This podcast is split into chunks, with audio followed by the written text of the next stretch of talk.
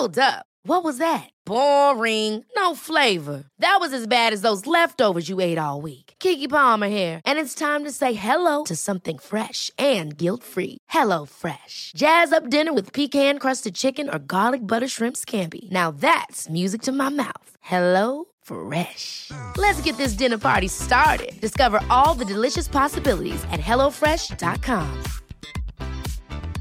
Even when we're on a budget, we still deserve nice things. Quince is a place to scoop up stunning high-end goods for 50 to 80% less than similar brands. They have buttery soft cashmere sweaters starting at $50, luxurious Italian leather bags, and so much more. Plus, Quince only works with factories that use safe, ethical, and responsible manufacturing. Get the high-end goods you'll love without the high price tag with Quince. Go to quince.com slash style for free shipping and 365-day returns. Many of us have those stubborn pounds that seem impossible to lose, no matter how good we eat or how hard we work out. My solution is PlushCare. PlushCare is a leading telehealth provider with doctors who are there for you day and night to partner with you in your weight loss journey. They can prescribe FDA-approved weight loss medications like Wagovi and Zepbound for those who qualify. Plus, they accept most insurance plans. To get started, visit plushcare.com slash weight loss. That's plushcare.com slash weight loss.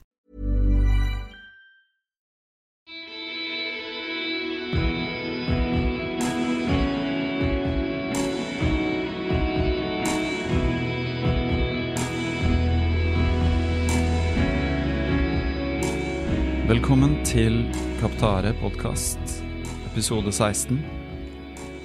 16 uker inn i denne podkasten. Vi har gått fra vinter til vår og smått tilbake til vinter igjen. Det er mandag 6. mai. Det er kaldt ute. Det har eh, vært snø i lufta etter å ha hatt en veldig varm april. Så har det snudd om. Det gjør ingenting, vi som løper og holder varmen. Denne uka så skal dere få en eh, litt lengre podkastepisode enn dere er vant til. Vi setter nesten eh, langdistanserekord igjen, med ingen ringere enn Hans Christian Smedsrød fra podkasten Nå er det alvor. Hans Christian eh, kom eh, ned i studio og satte seg ned. Fikk en vørterøl og begynte å prate med meg. Og så tok vi det egentlig bare derfra. Um, han eh, hadde nettopp kommet fra Japan, hvor han hadde løpt et såkalt Sky Race. Det forteller han litt om. Han har jo uh, selvfølgelig lagd en podkastepisode om det løpet, som man kanskje har hørt. Eh, så vi snakker litt om det. Vi snakker litt om Hans Christian sin bakgrunn og interessene hans. Han eh, vet mye om eh, mye. Han eh, er en fyr som er tydelig nysgjerrig og researcher. Går i dypdykk på forskjellige ting og er vel det som kan kalles interessert i andre mennesker og hva de driver med, og i tillegg så kan han ganske mye om å lage podkast og websider og video og bilder og slike ting. Så han er uh, alene en innholdsprodusent som uh, er på banen sammen med de store, som vi nevner. TV 2 og NRK og Rubicon og moderne media og alle disse andre som pumper ut podkaster. Um, uten at jeg vet uh, hva de får igjen for det, så er Hans Christian en uh, soloartist uh, på lik linje med meg. Vi gjør dette av genuin interesse, og Hans Christian har funnet ut at nå skal han bli uh, meget seriøs og driver med dette på full tid. Det kan bli utrolig spennende å følge med han, som løper, som podkaster, som menneske. det er ikke så mye mer å si akkurat nå. Jeg skal fortelle om et par ting etter intervjuet som vi tar når podkasten er i ferd med å ebbe ut. Men nå er det tid for Hans Christian Smedsrud. Jeg kan si jeg er jo kjempedehydrert nå fordi jeg har vært i badstua. Ah, ja. og jeg starta jo egentlig rett etter racet på søndag. Så mm. begynte jeg å forberede meg til neste race. Og det ah. er jo i, i varmen. Nå, Hvor er det i Spania? Det er i um, hva det, det heter Transvulkania, og det er på Kanariøyene. Eh, en øy som heter La Palma. Mm. Og der kan det bli varmt. Da blir det varmt. Da blir det varmt. Og da, da er det bare å sette seg i badstua. Selv om det Klimaet er vel eh, litt annerledes pga. at det ligger ute. Jeg har vært bare én gang der, da. Ja. På sommeren. Og det var jo varmt, men det er ikke sånn Nei, men det er noen sånne daler Ja. der som det kan bli sy altså sykt varmt. Mm. Så det er liksom Selv om det kanskje ikke Det kan være at det ikke blir varmt, Mm. men det kan også være at det blir kjempevarmt. Og da skader det ikke bare å være litt forberedt, tenker jeg. Det gjør det ikke. Men eh, vi er i gang. Eh, Ja. Dette må vi jo ta med. Så her sitter jeg med Hans Christian Smedsrød. Ultraløper. Ja, fjelløper. Fjelløper. Kall den fjelløper. Noen av racene er bare lange. Det er egentlig bare tilfeldig at Ja. jeg har blitt ultraløper, tenker jeg. Og podkaster fra podkasten Nå er det alvor. Stemmer det? Så nå er det faen meg alvor her òg. Det er faen meg alvor. det Så- blir ikke mer alvor. Det blir ikke mer alvor enn det. Så veldig gøy at uh, du kan komme, for jeg har hørt på din podkast. Ja. Og som vi snakka om litt før vi begynte, så oppdaga jeg ikke din før litt seint. Um, Sånn før jul en gang eller sånn. Men uh, det er jo ikke noe, fordi kan, det er gøy med podkast, man kan alltid gå tilbake. Ja, ja. Så jeg- Eller jeg har hørt at eh, iTunes driver og sletter liksom etter er det sånn 50 episoder, så går liksom Ja, du skjønner hva jeg mener? Ja. Det er liksom første episoden. Neste episode jeg publiserer, da er episode nummer én, da er den ute. Er, vet Så det er derfor, det er derfor folk driver og, og republiserer Mhm. eh, liksom gamle episoder, sånn at det kommer tilbake i, i, liksom, I i feeden til folk. Ja. Men er det sånn også? Ligger det bare 50 på iTunes? Jeg tror det, ass. Ja. Jeg har også hørt det, skjønner du. Ja. Men det er jo rart, for det er jo ikke iTunes som har filen, innholdet. Altså, Nei, nei, nei, det ligger på en server. Ja, men men uh, iTunes, altså som uh, distributør, Mm. uh, hvis du konsumerer podkasten i Apple Podcast, Mm. så har du kun de siste 50 tilgjengelig. Og det er egentlig bare iTunes sin feil. Men de ligger jo tilgjengelig på, nett, på nettet. De gjør det. Og hvis du bruker, hvis du f.eks. har en Android, Mm. så har du tilgang til alt. Ja. Eller hvis du bruker en annen app på Ja, ja, ja. ja. Og uh, by the way, uh, 50 episoder, Mm. det er jo det neste, neste episode av Noen alvor, er jo episode 50. Jeg så det. Og den uh, kommer i morgen. I morgen eh, det blir, Jeg vet ikke når du publiserer denne episoden. Vet du hva, eh, jeg tenkte å vente for at jeg drar til Bergen i morgen, og Ja. så skal jeg løpe halvmaraton, og så skal jeg sette meg ned med min gode venn Stig, som har vært på podkasten før, okay. og lage en episode. Og den tenker jeg kommer på mandag, Okay. og så kommer denne neste Ja, okay. tenker Ja. jeg. Ja, men så du, alt du, det er liksom moro, for at du kommer jo nå med en historie fra løpet og sånn, Ikke sant? så du får fortalt den der. Vi kan si litt her òg, men det som kan skje da, er at noen har hørt din eh, Du, jeg- før, jeg før de hører denne. sånn. Eh, Fordi, så. eh, som jeg sa til deg før recordinga, så Mm. snakka jeg eh, det jeg bruker å gjøre da. Fordi dem som ikke har hørt podkasten min, eh, så har jeg litt sånn her at eh, noen ganger i intro og utro så ringer jeg folk Mm. og recorder liksom For det, det krever to for å danse tango, tenker jeg. Mm. Ofte. Uh, så da bare I dag ringte jeg han eh, Thomas Stordalen, og så um, uh, ja, snakka jeg om om eh, Ja, altså Hva var det egentlig hva, hva var det vi snakka om? Nå merker jeg at Det, det ble liksom meta, for at Ja. vi fortalte om Jeg sa at denne episoden kommer neste mandag. Altså Ja, ikke sant? ikke, ikke førstkommende, vil Si ikke, skal vi se, ikke 29., men i begynnelsen av mai. Ja, ok. okay. Eh, jo, fordi jeg sa til han at jeg skulle hit. Mm. Ja, Det er egentlig det. Okay. Så uh, lytterne mine vet at jeg skal komme hit, Ja. uh, og du fikk en shout-out. Så Så du. eh, velkommen til mine lyttere også, tenker Ja, jeg å si. Ja. Jeg tror det er mange overlappende. Fordi det som er litt morsomt når man snakker om podkast og iTunes, og sånt, så ser man på iTunes, og så Ja. ser man på sin egen podkast, og så står det også andre lyttere abonnerer også på. Og så dukker Ja, ja, ja, det ja.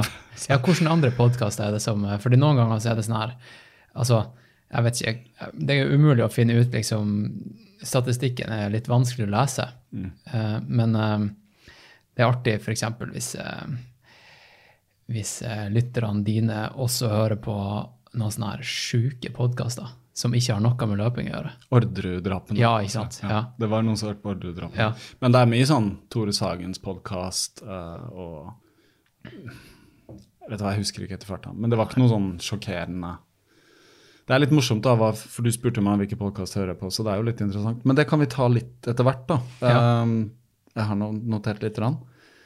Uh, en fun fact. jeg Ja. googla deg i sted, og så bare titta jeg bare på bildene, da, for det er ofte morsomt å bare klikke på bilder. Og det er vel et bilde av deg i sykehusskjorte med medalje. Ja, ja, ja. ja. Og da hadde du hatt en uh, episode i Spania, faktisk. ja. Har lyst til å fortelle hva som skjedde der? Ja, det er jo um, Det var vel et av mine breakthrough-racer, tenker jeg. Uh, det var et race som heter Ultima Frontera. Eh, og da var, Jeg tror det var 83 km langt. Og um, det var Jeg lå jo Jeg lå i tet, ikke sant? Jeg lå an til å vinne. Eh, og med kilometer 50 så skulle det være en såkalt uh, drop-bag-stasjon. Eh, og for dem som ikke vet hva drop-bag er, så er det når eh, altså du som, som løper kan ha en liten sekk med ting som du kan få utlevert på denne stasjonen. Det kan være et fresh, fresh par med sko, sokker, eh, mat, drikke. Eh, og jeg hadde mat og drikke i den sekken. Eh, og så hadde det seg sånn at helga før hadde det vært et annet race i den lille landsbyen som vi sprang gjennom, eh, der det skulle være drop-bag-stasjon. Og jeg fulgte de der eh, markeringene til det racet, som bare gikk rundt et annet lite kvartal. Um, det, det gjorde da at jeg mista den stasjonen. Eh, og eh, det gikk liksom én, to, tre kilometer før jeg liksom tenkte shit, nå er det noe skikkelig galt her. Og jeg hadde gått tom for, for medbrakt drikke og ernæring. Og så tenkte jeg Jeg var jo bombesikker på at jeg hadde løpt riktig, ikke sant? Det var ikke noe option å snu. Men du visste at det egentlig skulle vært en sånn stasjon? Ja, de sa jo det skulle være på kilometer 50. Eh, og så sto det liksom lokale folk der og heia på meg. Jeg tenkte liksom, ja, nå står de i løyp, i løypa og heier. Eh, og så um, sprang jeg bare videre, og så når det var liksom gått 60 km, så tenkte jeg ok, noe har gått galt. Um, jeg er drittørst, men jeg ligger på førsteplass, og det blir for dumt å snu, liksom. Og så bare gønna jeg på videre. Og jeg tror jeg sprang i Jeg tror jeg sprang i Fordi jeg tror jeg hadde, gikk, jeg hadde gått tom for næring på kilometer 40 eller noe sånt, så jeg bomma litt på den. Så sprang jeg da effektivt i 30 km i varmen eh, i Spania da, uten noe som helst, og pusha liksom kroppen til eh, to the limit, ikke sant? Og da, da skjer det ting med kroppen, og eh, det er f.eks. at eh, man eh, kan eh, Ja, for det første blir man dehydrert, og alt det innebærer. Men eh, jeg fikk jo det som kalles for rabdomyolyse, som er en tilstand som er ganske vanlig, eller en skade du kan få når du er i bilulykke, f.eks. Der det er rett og slett bare at musklene blir ødelagt. Så hvis du slår deg, hvis jeg slår deg noe hardt i skuldra 100 ganger, eh, så har du rabdomyolyse i skuldra. Du knuser liksom Du knuser muskelen, ikke sant? Og eh, eh, jeg vet at de fleste, de fleste ultraløpere de har et litt sånn snev av, av, av såkalt rabdo etter et race. Jeg hadde ikke sånne kjempehøye verdier, men det var nok til å liksom bli lagt inn. da. Og jeg kom jo til mål, jeg trodde jeg hadde vunnet. Nei, vent nå, jeg kom på andre. Jeg ble tatt igjen, for jeg, jeg ble jo helt, eh, helt gåen ca. fem kilometer før, før målgang. Jeg kom på andre og tenkte liksom shit, nå Det her var stort, liksom. Og så fikk jeg vite at jeg hadde sprunget feil, og så ble jeg fratatt andreplassen. Og så klarte jeg ikke å røyse meg etter at jeg hadde lagt meg ned. Uh, og så kjørte vi, ble jeg kjørt med sykebil til sykehuset, som var over gata. Det leste jeg. 100 meter unna. ja. Så, eh, ja. så lå jeg der over natta, da. Men det gikk bra. Du trengte intravenøst. Og... Jeg trengte bare intravenøst, Ja. og det ordna seg. Men hva skjer med den muskulaturen som er så For det, det som skjer da, er at, at eh, den blir brutt ned, og så kommer den inn, kommer liksom eh, de her slagstoffene ut i blodbanen. Og det er kjempefarlig for nyrene dine. Så det blir liksom Det blir toxic, da. Så det, det er det som skjer. Og det- det, her er jo noe som crossfit-folk får også. i hytt og pine, ikke sant? Så det, For de kjører for hardt. de kjører for hardt. Ja. Jeg har hørt det folk som har altså, revet muskler over og alt mulig. også. Ja, ja, Sånn, ja, ja. Her skal vi bare Så hva, hva er greia med den treninga? Hvorfor Nei, altså, det er jo ofte Det er jo ikke Altså, crossfit er jo er en grei treningsform, tenker jeg. Nå er det sikkert noen som hører på, som er både paleo-folk og crossfit-folk som hører på og liksom tenker ja, Hans Christian, nå ikke si noe stygt om crossfit. Jeg kan ikke så mye om det, for Nei. å være helt ærlig. Men altså, det gir ikke særlig mening, da, tenker jeg da. Fordi at du skal løfte vekter, eh, ofte ganske tungt, ikke sant? Eh, og så har du ei stoppeklokke i tillegg, da. Så ikke bare skal du løfte vekter, men du skal gjøre det på tid. Så for eksempel da um, Markløft. Du, skal, du har 30 sekunder på deg, og så skal du gjøre så mange markløft som du klarer. Og hvis det står da, hvis, er, eh, hvis du er på en crossfit-gym, der han som, eh, som liksom fyrer, fyrer opp stemninga, står der og liksom pusher deg, så, driver, så tenker ikke du på å ha riktig kroppsholdning når du løfter vekten. Og når du da etter jo ikke engang. 20 sekunder ikke sant, er helt, helt gående, og så skal du liksom pushe deg 10 sekunder til med markløft, altså det, det gir ikke mening. Så folk blir jo skada, ikke sant. Mm. Uh, og så handler det jo ikke om å gjøre øvelsen riktig. Eksempel pullups. Der har de en egen eh, noe som heter kipping. Og det er jo liksom når du jokker deg over, uh, over eh, pullup-baren. Mm. Så du jokker deg til eh, 100 pullups, men egentlig så kanskje du bare er sterk nok til å ta 20. Mm. Ikke sant? Så det, det er mye, det er mye Ja, det er ikke helt mening. Jeg har lest litt om sånn calisthenics og sånn. Bruke kroppsvekt. Og det handler jo om teknikken, liksom. Altså Ja. bare få, få det gjort ordentlig. Ja, så er det tungt nok. Det Ja. er ikke noe vits i å, som du sier, jokke seg til 100. Nei, Men det er handler kanskje om Det er en sånn prestisje, litt sånn sport, da. Absolutt. Og, det, og uh, crossfit er jo på en måte Der kårer du den som er best til å trene. Mm. Du, tre, du kårer Det er ikke helt sånn som, eh, som løping, da. Mm. Der eh, Du ja, må være du- først, liksom. Ja. Ja. Ja. Du kan ikke Det er ikke noe snarvei til det. Nei, det er jo ikke det. Nei, det er ikke det.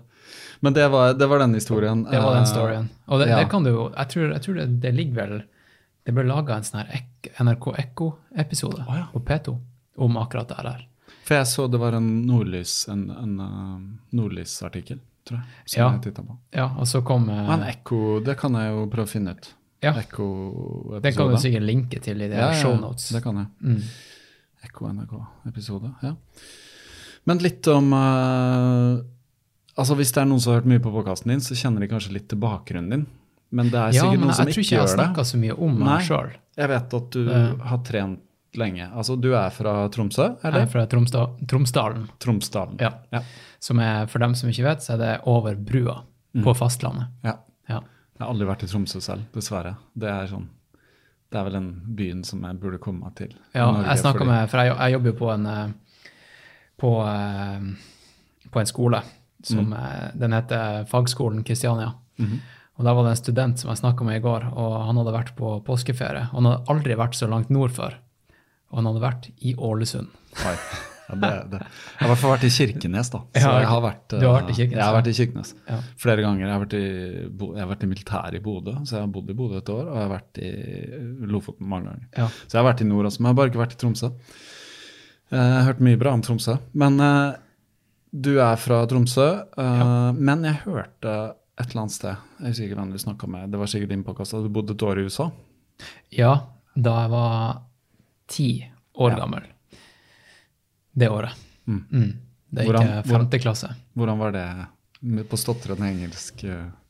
Jeg gikk, eh, jeg gikk eh, femte klasse, og um, det er jo sånn som barneskolesystemet er i USA, da, så er femte klasse siste klasse på barneskolen, før du går over i middle school og så high school. da. Uh, og jeg bodde jo i Oklahoma, i en liten by som heter Edmund. Og det her er liksom sånn her Det er Midtvesten. Det er midt i ja, det er sørstats, det er bibelbelte. Det er bare masse overvektige folk som aldri går en meter. Eh, De bare kjører overalt, ikke sant? Mm. Ganske så stor kontrast til Tromsø. Tromsø.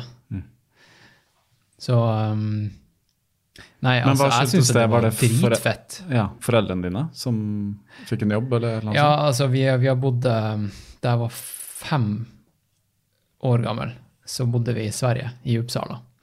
Så det er jo sånn eh, Faren min han er, han er professor i bi biologi, og han, eh, han har jo vært på podkasten min flere ganger, så folk kan bli kjent med han hvis de går tilbake. Men sånn Jeg hørte på en intro med han bort her, for jeg Ja, okay. slo opp på episode 30. Ja, UTMB med Patrick Sangby, og så var det du og han ja okay. I Passiar. Fett. fett. i Tromsø. Ja, for det, det jeg vet ikke om alle på universitetet har det sånn her, men eh, det, kalt det kalles sabbatsår. Mm.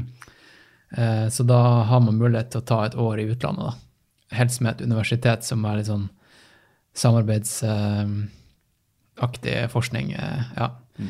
Så da var det Uppsala, og så eh, dro vi, var vi i Oklahoma da, Ett år. et år. Ja. Og der spilte jeg fotball og eh, ja, lærte meg amerikansk ganske, ganske heftig. Ja, Det skulle være vanskelig, vanskelig å snakke norsk da jeg kom hjem igjen. jeg skjønner. Sammen med liksom, da jeg kom hjem fra Sverige. Mm. Jeg snakka liksom svensk. Mm. Men når du er så ung, så slår man litt Ja. lettere over. Ja. Men det er rart det der, for at da, det skjedde det samme greia hver, hver, hver, hver gang vi flytta. Og det var at det første, de første seks månedene så sa ikke jeg et ord til noen eh, på, barne, på barneskolen eller i barnehagen. Eh, jeg gikk bare og øvde liksom inni hodet mitt. Jeg skulle ha det perfekt før jeg åpna kjeften. Og når jeg først åpna kjeften, så var, så var det liksom perfekt. Da var det svensk, og da var det amerikansk. Så Men et halvt år er. uten å kommunisere med Ja, liksom, Bare- ja, selvfølgelig sa jeg yes og no, og Ja. sånt der, men um, Så du ble sett på som den litt sky typen helt til du Ja. plutselig Ja. kom ut. ja, Det er litt morsomt. jeg vet ikke hva det er. Det er vel uh... Men eh, jeg tror, jeg, jeg tror bare det er liksom sånn jeg er født. Sånn har jeg fortsatt det. Liksom, Hvis jeg starter i en ny jobb, så er han der. Det er artig, men jeg, jeg er alltid liksom det første halve året er han eh, han som sier ganske lite og, og sånn der. Og går det et år, så er han han skikkelig joviale som bare cracker jokes hele tida. Mm. Men er du en eh, observatør, da, på et vis? Altså har du en observatør? Absolutt. Ja. Ja. Å drive med podkast og sånn handler jo litt om å være litt observatør òg. Ja. Eller liksom sånn. ja. Ja. Det kommer litt fra han. Men så da et år i USA, og det jeg så, var at du har drevet med skøyteløping. På- Jeg har vært eh, ganske seriøs skøyteløper. Mm. Ja. Jeg så et bilde, faktisk, i trang trikot. Ja. Ja. Så du var, eh, det var seriøst? Det var liksom ja, altså jeg vokste opp i Tromsdalen, ikke sant? Mm. og der er jo der er det en eh, skøytebane som heter Tromsdalen kunstisbane. Uh, og Utendørs, eller? det er utendørs, ja. Så da, da Jeg tror jeg, han pappa tok meg med på skøytebanen bare som sånn her Bare sånn, noe, sånn helgeaktivitet, ikke sant? Med hockeyskøyter og, og alt det der. Jeg var sikkert sånn fire år gammel. Eller vet du hva? Det første jeg husker i livet, det er fra skøytebanen. Ja. Eh, og det var VM i Tromsø i 1990. eh, Sprint-VM. Og det er ingen som tror meg, for jeg var, jeg var akkurat ett år gammel. Men jeg har beskrevet i detalj hva som skjedde den dagen i etterkant. Og eh, det er ingen som har fortalt meg det. Liksom, eh, det, her er, det her kommer fra meg, ikke sant? Og jeg, jeg husker i detalj at jeg sto, at jeg satt på skuldrene til han pappa eh, bak der spikerbua på, på oppløpssida og så på skøyteløp. Og um, ja, så tidlig starta det. Ja. Men uh, de første, første skøyteturene i helgen var jeg sikkert sånn fire-fem år gammel. Man må bli såpass før man liksom kan stokke beina på Ja, ikke sant. Ikke sant? Også, men, eh, Ja. men jo, eh, jeg tok det ganske seriøst. Så jeg fikk eh, lengdeløpsskøyter da jeg var syv år gammel, i julegave av morfaren min. Sånn her Jeg tror det var eh, Jeg husker ikke merket, men det var svart og hvite. Mm. Fast, ikke klappskøyter. Mm. Og så eh, begynte å dra på trening, liksom, sånn fellestrening, og så balla det på seg. Gikk vel uh, Ja, det var kanskje sånn 15 år gammel da jeg bestemte meg liksom for at nå, nå må jeg kutte ut fotball. Fordi nå, nå skal jeg bli skøyteløper, liksom. Da er det helårs. Nå, da ble det alvor. Mm. Ikke sant? Ja, da ble det en helårsgreie. Mm. Eller jeg var kanskje 16 da jeg virkelig tok det på alvor. For da skjønte du at det kunne bli noe Ja, det kunne bli bra, ikke sant? Ja, Og så Ja, så så jeg liksom Jeg, jeg var best i Nord-Norge, og så var forholdene ganske dritt, ikke sant? For at det er kystklima og utendørsbane. Og det gjør jo at liksom, sesongen er jo kjempeuforutsigbar. For at Mm. plutselig så er det ikke is, eller du går liksom eh, snøstorm Mm. i minus 20, ikke sant? Vinteren er rimelig lang, ikke sant? rimelig hard. Ja, den er ganske hard. Ja. Ja. Men det er sånn at det, det er ikke sånn jeg husker Bodø kunne være nesten litt sånn Det sludda, altså. Det er kanskje litt mildere i Bodø, eller? ja, men du har jo den her golfstrømmen da, Ja, som bare kommer opp. Plutselig liksom- kommer det noen milde ja, ikke sant? Så det, det, det gjør at skøytebanen i Tromsø er ganske sårbar. Mm. Og um, Så jeg tenkte ok, jeg må, jeg må bare stikke. Jeg må, jeg må finne meg et bedre miljø, og jeg må finne meg en uh, skøytebane som er mer stabil. Mm. Og da, Da da jeg var 18 år gammel, så, så sa jeg til foreldrene mine at uh, det her må bare skje, og jeg må stikke. Mm.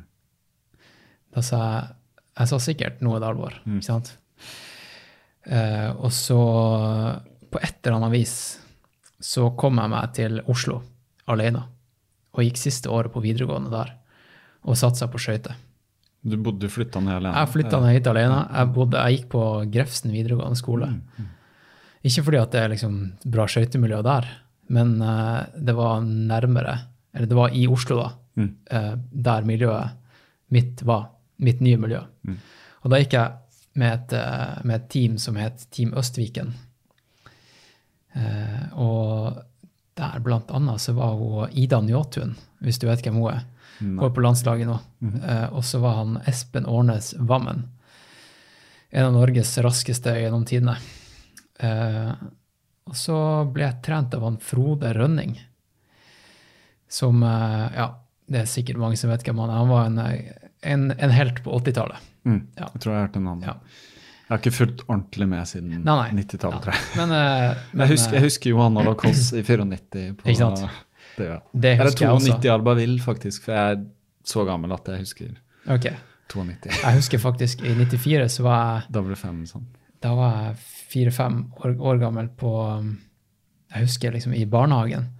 Da sa de her eh, barnehagetanten eh, Da det var liksom OL, så, så hørte jo jeg at de satt og så på OL liksom på, på det her eh, kontoret. Mm. Og så snek jeg meg inn der. Og da husker jeg at han Kåss gikk Det var vill jubel i barnehagen. Mm. Han gikk bra, han. Han gikk dritbra. Ja, Han gikk bra. Han vant uh, tre, tre gull, tror jeg. Ja. Eller han tok 1500, 5000 og 10 000. Ja, da... Da var det de hadde bygd den nye skøytehallen på Hamar og sånn, Ja. ikke sant? Har du, har du vært der og gått? Og, Ja, jeg gikk masse der. Ja. Jeg nesten pendla jo i helgen.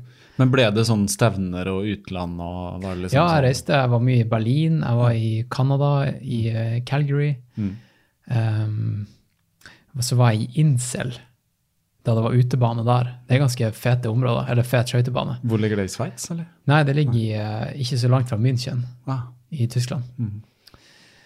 Uh, og så eh, Ja, jeg reiste mye i Norge, da, på Norgescup og sånt. Mm. Og så Ja, så bare Du vet nå, når man blir liksom 22 Jeg tror jeg ga meg da jeg var 23. Og så det, er, det, det er liksom det, er det fordi det bare krever det klassiske. Du har, får liksom Du stagnerer litt. mm. Du blir litt skada. Mm. Eh, og du får motgang, skikkelig motgang, for første gang Mm. i, eh, i karrieren. Liksom Hittil hadde jeg bare persa hvert år. ikke sant? Kanskje jeg persa med et hundredel den den sesongen, men det er liksom Mm. Ja. Og så eh, hadde man en kjæreste, Mm. Og hun gikk ikke på skøyter eller drev ikke med idrett. Så om en gang liksom jeg mista litt motivasjon, så var liksom det der søte livet, det der andre Jeg, jeg studerte jo også, Mm. så det der hadde aldri vært noe sånn her eh, Jeg hadde hele tida vært en toppidrettsutøver Mm. i oppveksten. Så jeg hadde vel litt lyst til å, le, til å liksom leve det vanlige livet, da. Mm. Du ser jo alle rundt deg gå på fest og Ja, ikke sant? Ja. Jeg hadde også lyst til å ta meg en pils. Ja, ja. Ja, Man må jo liksom Hvis ikke man tester det da, så kommer det kanskje seinere. Ikke sant? Ja, og ikke. eh, Ja, så jeg, slutt, jeg ga meg da. Jeg husker jeg, jeg skrev en sånn pros og cons-liste. Mm. Uh, og den fant jeg tilfeldigvis da jeg flytta her for et par år siden. Det var kjempeflaut å lese pros og cons-lista, men, eh, Men fordi det, det hang ikke helt på grep. Nei, nei, men det, du reflekterte i hvert fall. Jeg reflekterte. Altså, Ja, ja. Ja. Og så, og så tok jeg en avgjørelse liksom, på dagen, husker jeg, etter at jeg liksom manifesterte det ned på et papir. Uh, og så ringte jeg treneren min. Og så sa jeg til han nå er det alvor, Kåre. Uh, jeg tror jeg gir meg. Jeg tror jeg gir meg. Så jeg ga meg. Var det ingen protest, eller? Fra han? Nja, han sa liksom ta, noe, ta deg en måned off, og så snakkes vi. Mhm. Kanskje du bare trenger en break. Mm. Uh, ja, og så, så gjorde jeg, ble liksom bare superinspirert med liksom studiet. Jeg studerte eh, hva var det het, design og kommunikasjon i digitale medier. Mm. Og liksom syntes at det var dritfett. ikke sant? Så jeg, jeg bare ble oppslukt i, eh, i eh, grafisk design og, og foto og liksom Mm. Ja. I Hele Når, når var dette, da, hvis du var par 20? Eh, Ja, nå er jeg 30, så Ja, det er jo så det er så det er lenge syv år siden. siden. Ja, det er syv Ja. år siden. Det er liksom ikke så lenge siden. Nei. Nei. Så det var jo noe så Ja, ikke sant. Da, det er jo nesten Altså når jeg tenker tilbake nå, det er nesten sånn Altså Facebook kom jo og sånn, men det er liksom Med video på nett og den utvidelsen der, så skjedde Du, det så det skjedde utrolig mye derfra. sykt mye det året, Ja, liksom de årene der. Det, var, det var da det å lage en blogg, Mm. det var spennende. Ja. Ikke sant? At, det, og det er akkurat den følelsen her nå med podkast. Mm. Det er det der at du, du alene kan konkurrere mot de store innholdsprodusentene. Mm. Du er sånn her Altså, det at jeg og deg er på listen på, på, på iTunes og liksom Mm. slår enkelte NRK-podkast ja, TV 2 fotballpodkast. Ikke sant? Ja. det, det er faen meg helt rått. Det er dritgøy, Og, og, og her sitter jeg liksom Mm. eh, oppe på disen alene og bare eh, tar rotta på liksom, Jeg vet ikke hvor mange folk som liksom får betalt Ja, ja. for å drive det her. Som lever av det. sant? Ja, som lever av det. Um, så akkurat den følelsen der, den hadde jeg da jeg studerte. Mm. Og skrev blogg og liksom kunne lage nettside. Mm. Begynte, begynte å kode og programmere, ikke sant. Og det var det, det var det jeg etter hvert ble. Jeg ble jo inter interaksjonsdesigner og front-end-utvikler. Hva betyr det sånn i praksis? egentlig? En interaksjonsdesigner er jo som regel, som regel i- praksis, da, hvis du går web, webretninga i interaksjonsdesign, så er du det mennesket som sørger for at webløsninga er så brukervennlig som overhodet mulig. Mm. Uh, men det er også et studie med, altså i, i produktdesign. ikke sant? Det at et, et, et produkt er så brukervennlig og ergonomisk som mulig og gir make sense. ikke sant? Mm. Det, det er folk som sitter her og liksom pønsker ut der. Mm. Og du merker fort når noen har gjort en dårlig interaksjonsdesignjobb, eller at det ikke har vært en interaksjonsdesigner med på prosessen. Mm. Det er jo når de her eh, produktene her bare ikke gir mening. Mm. Det- Når du ikke får noe Ja, ikke sant. Du bare sitter og Istedenfor at alt flyter, så stusser du på hvorfor. Ja, ja. ja. ja. Så Nei, jeg, jeg ble ekspert på brukervennlighet og programmering. Ja. Ja. Nei, men det ser man også i uh, Så vidt på websiden til podkasten. Du ser liksom Altså, dette er ikke noe sånn standard Wordpress. Nei, ikke sant. Alt er custom. Ja, det Er- ser man. Så det er gøy. Ja. Det er gøy at du Jeg kan digger det. å lage sånn en nisjenettside. For at Ja. det som er at etter at Facebook kom, Mm. så har alle småbedrifter begynt å altså I stedet for å lage nettside, så lager de en Facebook-page. For at det er jo kjempeenkelt. ikke sant? Mm, Eh, Så det er veldig få av de her nisjenettsidene. Mm. Det at eh, mitt eh, løpecrew, Skyblazers, har en nettside som heter skyblazers.no. Mm. Eh, og vi har en nettside for fellestreninga vår som heter Stirsdag. Mm. Stirsdag.no. Det må vi snakke om senere Ja, også. vi, vi skal snakke på- om alt der. Ja, ja. Og så har jeg en nettside for meg sjøl ja. som heter hanskristiansmedsrod.no. Ja. Og så har jeg en nettside nå som jeg lagde forrige uke, som heter nåerdealvor.no. Eh, og det er ikke at jeg bruker så sykt mye tid på den nettsiden, men jeg jo, det er jo det her jeg er flink til. Mm. Eh, og jeg syns at ting som, sånne, sånne ting som vi vier så mye tid til, da, Mm. de, de burde få et lite hjørne på internett som ikke er på Facebook, For det, altså, det er ingen som bruker Facebook lenger. Nei, Det er jeg, jo jeg er jo ikke ikke det, faktisk. Um, uh, Denne podkasten er ikke på Facebook. Nei, ikke sant. Det, Eh, folk bruker Instagram, men, men neste år kan det være at, uh, at det er noe helt annet. Mm. Så det å være plattformuavhengig og liksom ha en nettside, Mm. det, det fascinerer meg. Mm. Eh, og uh, Jeg har i hvert fall domenet til podkasten. Selv om det er bare en sånn standard. Jeg har begrensa med tid, så det er liksom Kanskje må hyre deg som uh, interaksjonsdesigner. ja, jeg er kjempedyr, så Ja. pass deg. Ok, Da vet dere det. Nei, men ok, jeg skjønner. Um, men hvor var vi? Vi, går, vi skal innom disse tingene også, absolutt. Men det var, uh, du ga det som skøyteløper, og da var det finito med trening. Da var det deilig å bare ta Du, seg en pils da tok jeg det helt piano. i en god stund. Altså Ja. lenge. Ja. Ja. Så lenge at jeg følte meg litt sånn her Jeg ble sånn skikkelig dvask. Mm. Jeg kjente det. Jeg bare var ikke komfortabel i min egen kropp. Tok det litt tid å oppdage, eller var det, Ja. det For det er sånn som sniker seg litt sakte på. Det sniker seg sakte på, ja. Eh, og jeg hadde vært superfit hele livet, ikke sant? Mm. Så det var Det var litt rart. Men da, da var det å begynne å trene igjen, ikke sant? Skal vi bare starte den igjen? Ja. Ja.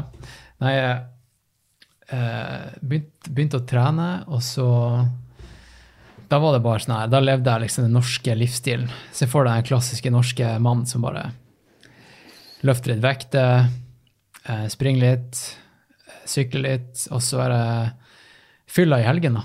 Mm. Pils med gutta Pil- og ja, nachspiel og Ja. ja. Alt det der. Ja. Men det er jo gøy, det òg. Det, det er alltid sin tid, liksom. Ja, ja. Når man er i 20-åra, så er disse tingene viktig. Det er liksom den sosiale arenaen man er på, da. Det er det. Og lager mange relasjoner, og selvfølgelig møter jenter og kjærester og alt det der. Ja. Men så gjorde jeg, jeg gjorde comeback på skøyter. Ja. Eh, For du, du følte at nei, nå må jeg, jeg må liksom ta meg sammen og Ja. tilbake igjen i Ja. Jeg, jeg bare følte jeg hadde noe, noe å bevise. Mm. Uh, og så ble det, det ble sånn her uh, greie med litt sånn eh, Vi var flere i Nord-Norge som hadde gitt oss på litt sånn samme tidspunkt. Eller sånn Det var flere kompiser i Nord-Norge, da. Så gjorde vi det litt bare sånn på, på tull. Hei, vi, vi stiller i Nordnorsk mesterskap, eh, og så ser vi hvor gode vi kan bli. Vi gir oss seks måneder, ikke sant? Og da tenkte jeg ok, nå skal jeg trene som faen. Nå skal jeg gjøre ordentlig comeback. Og det var to år etter at jeg hadde gitt meg. Eh, Og to år er ganske mye etter å ha vært liksom, og levd den livsstilen. ikke sant? Mm. Og da følte jeg at jeg starta på scratch.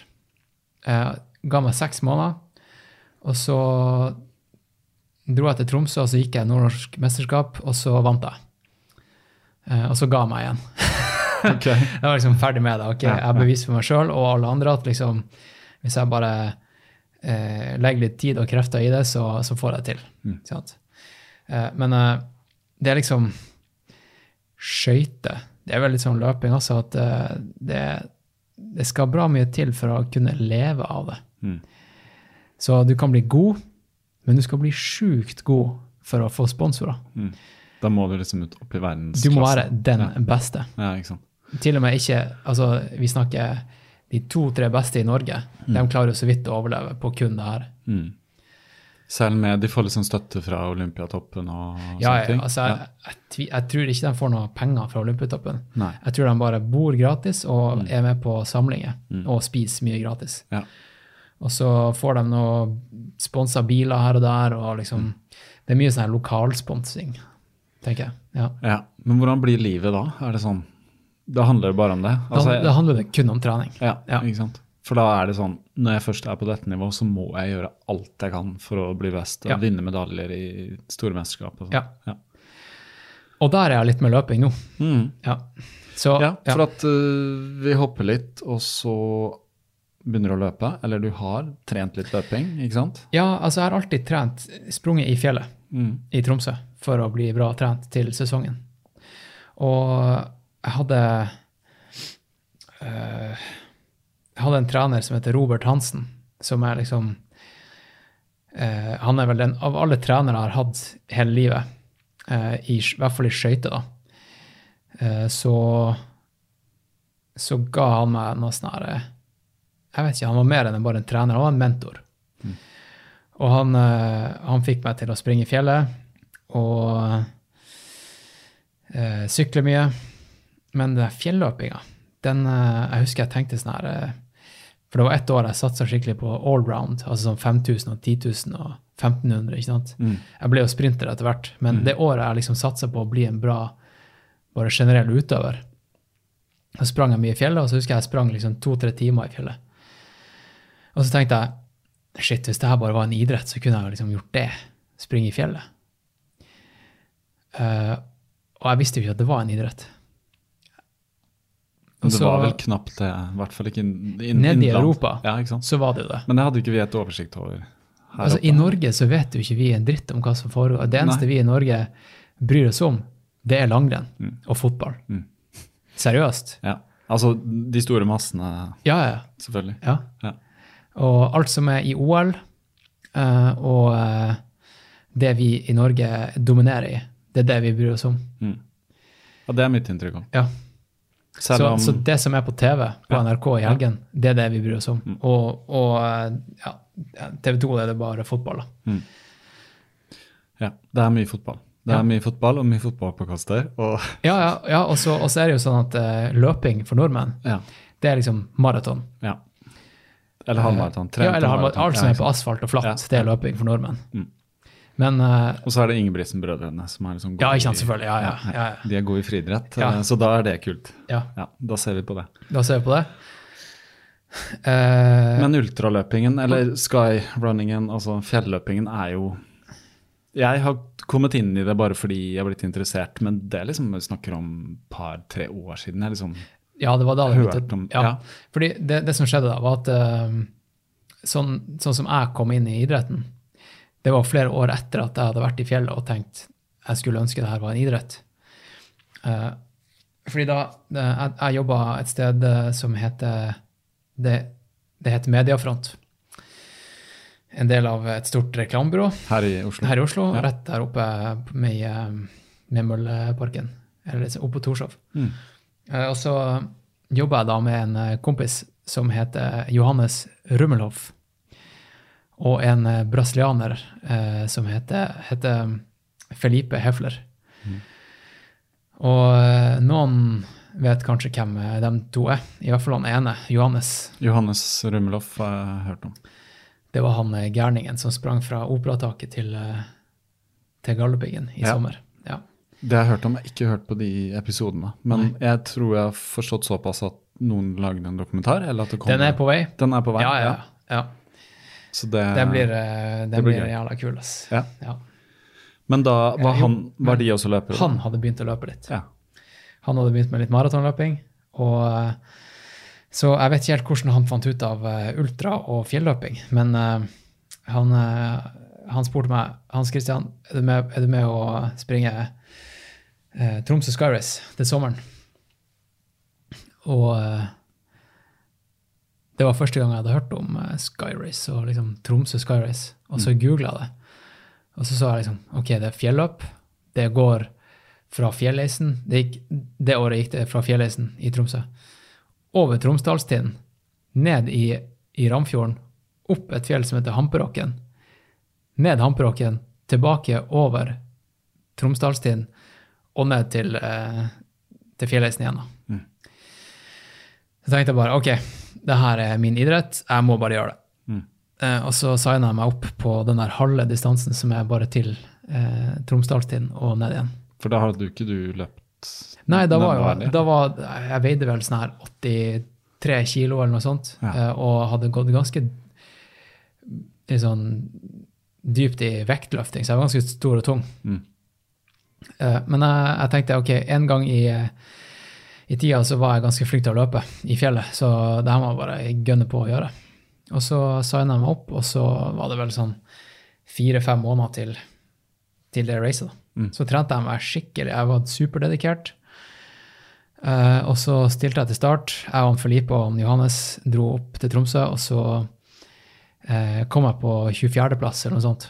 Mm. Og så tenkte jeg shit, det her kan jeg bli god i hvis jeg bare dedikerer Mm. livet mitt i det her. Hvordan er nivået på dette? Altså Er det sånn folk fra hele verden, eller? Ja, nå, nå eller Ja. da? Ja, da tenker jeg. Eller Eh, nå også, for så vidt. Altså, jeg tenkte jeg må fortelle litt om skyrunning og hva det er. Og, Ja, nei, altså nivået, det er jo, skyhøyt nå. Mm. Ja, ja. Nå er det en internasjonal liga, liksom. Ja, men det, det var det da også, men det, Mm. det har virkelig tatt seg opp de siste to-tre årene. Mm. Det her var fire år siden. Mhm. Fire-fem år siden, ja. Eh, og så så jeg at han Johannes kom i mål på den fulle distansen, for han sprang eh, Hamperokken-racet. Mhm. Og Hvor langt var det? Eh, det er vel 57 km, Ja. Men utrolig mange høydemeter, da. Altså 4500, tror jeg. Ja, opp og ned. Ja. Eh, og så kom han i mål, da. Og han fikk en medalje rundt halsen av en eh, kis som eh, jeg i etterkant skjønte var Eller jeg skjønte jo da at han var en big deal. Eh, men det var ikke før i etterkant at jeg hørte navnet, og det var Kilian Jornet. Og begynte å google han, og liksom eh, gikk ned i det rabbit holet av alt han har gjort. og sånn der. Og det var egentlig det som inspirerte meg til å virkelig begynne å utforske idretten. da. Løp han også, eller? Han løp ikke. Han, eh, han løp vel første året det ble arrangert. For det er han som arrangerer racet. Ja. okay. Det er jo hans race, liksom. Mm. Eh, så han vant jo første året, da, men det var liksom bare sånn her Da var det Det har blitt et helt annet race enn de første årene. Første året jeg var med, var med på det racet her, så gikk vi opp til fjellisen og starta racet der. Mm. Nå, nå starter det i sentrum av Tromsø. Mhm. Og vi springer på asfalt og over brua, og så springer vi jo hele, altså opp til fjellisen, og så videre innover fjellet. Men uh,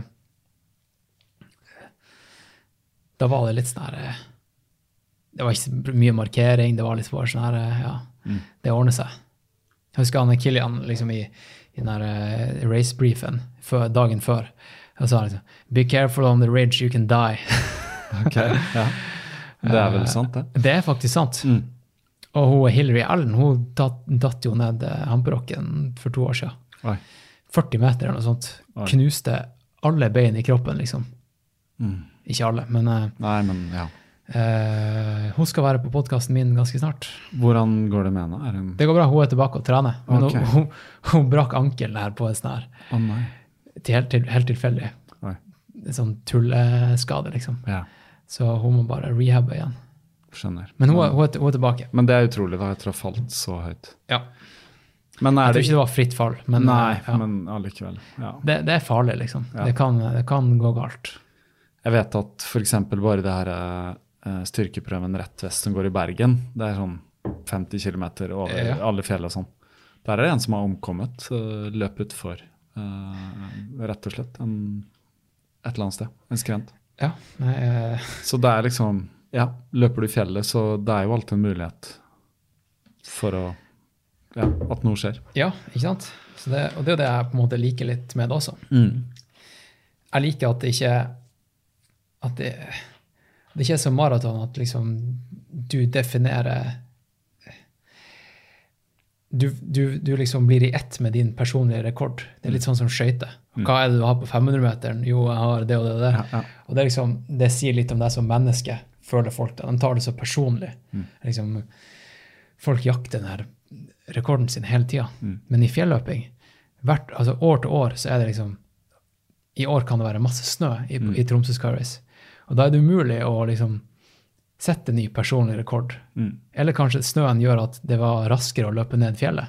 Så du satte ny personlig rekord på Tromsø Sky Race. Men det virker Men- ikke som det viktigste. Tiden. Det er absolutt ikke det viktigste. Nei. Det viktigste er å vinne. Mm. Og, og rett og slett slåss mot dem du springer med. Mm. Eh, Og være den beste atleten Mm. den dagen. Og da er liksom tid helt irrelevant. Mm. Du må bare spille kortene riktig, Mm. og så går det som det går. Og så er det jo noe det er det som fascinerer meg. da. også å bare Jeg har tenkt på det litt i det siste, fordi jeg har trent ikke sant, nå hele vinter. Skal løpe halvmaraton på lørdag. Jeg kan løypa og sånn, og den er litt gøy, for det er jo litt opp og sånn i Bergen. Men jeg savner Nå har jeg vært på Nesodden i påska og løpt ute i skauen. Mm. Å, fy søren, så gøy det er, da. Ikke sant? Så nå kjenner jeg at jeg er litt sånn Nå skal jeg løpe Ecotrail òg, så når jeg er ferdig Skal du det? Jeg skal løpe Hvilken distanse? 30 igjen. Jeg Ja, har løpt 30 flere Ja. ganger, så jeg, det, det holder egentlig for meg. Så jeg kunne sikkert løpt lenger, òg, men eh, det er fint. Jeg har liksom sjanse til å løpe litt fort. Ja. Men uansett så bare bestemte meg nå etter uh, Bergen jeg kommer tilbake, så har jeg bare lyst til å komme meg ut i som spør om det er stitirsdag. Stirsdag. Ja, stirsdag. ja, for jeg leser stitirsdag. Ja, det er flere som sier stirtirsdag. Ja, jeg skjønner at det er stirsdag. Men Men, man, ja. ja, det er fordi hjernen bare lager en Ja. nytt ord. Det er jo en grunn til at vi har det på tirsdager. Ja, Det er jo fordi at det er catchy navn. det er det. Ja. Jeg hørte du snakka om noe fredag òg, som var noe annet. Uh, Freaky Friday. Freaky Ja. Friday, kanskje? Ja. Et eller annet sånt. Men det, ja, det er ikke fellestrening. Nei. Det er mer sånn eh, påfunn. eh, Ja, ja. jeg tror jeg hørte dere sa det, faktisk. Men greit, så da, er, da løp du der, og da skjønte du at ok, nå uh, ja, ikke bare kan jeg bli god i det, men det var jævlig artig. Ja. Det var det. Og da blir man gjerne god. hvis Ja, man synes det er ikke sant? Eller da har du i hvert fall lyst til å trene til det. Ja. Og, Ja.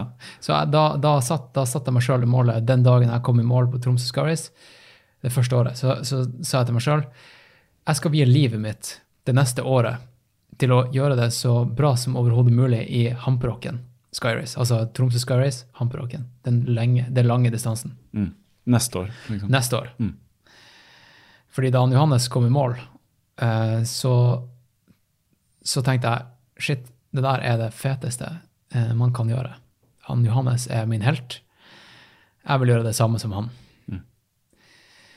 Så basic var det. Mm. Ja. Jeg hørte et kall. Ja. Eh, og det året så Hva det var? Da, da var det også sånn at jeg dro til eh, Sør-Amerika mm. eh, med jobben og skulle starte kontor i Brasil. Så det ble, det ble jo liksom eh, eh, Jeg kunne ikke bare dra til Tromsø og leve som en munk i fjellet og trene dedikert til Tromsø Scaris. Det var en del, eh, det var en del hinder, ikke sant? ja. ja. Så jeg, jeg, dro, til Brasil. Det var en by som heter Curitiba. Som er en av de flateste byene ever. ikke sant? Bare masse høye bygninger. Kjempekjedelig by. Mm. Eh, Men fjellene var kanskje sånn to timer med bil unna. Og så oppsøkte jeg et eh, løpemiljø som var i regi av Northface. Mhm. Eh, og så viste det seg da at der var det jo flere ultraløpere. Og de dro i helgen dro de til fjell, til fjells.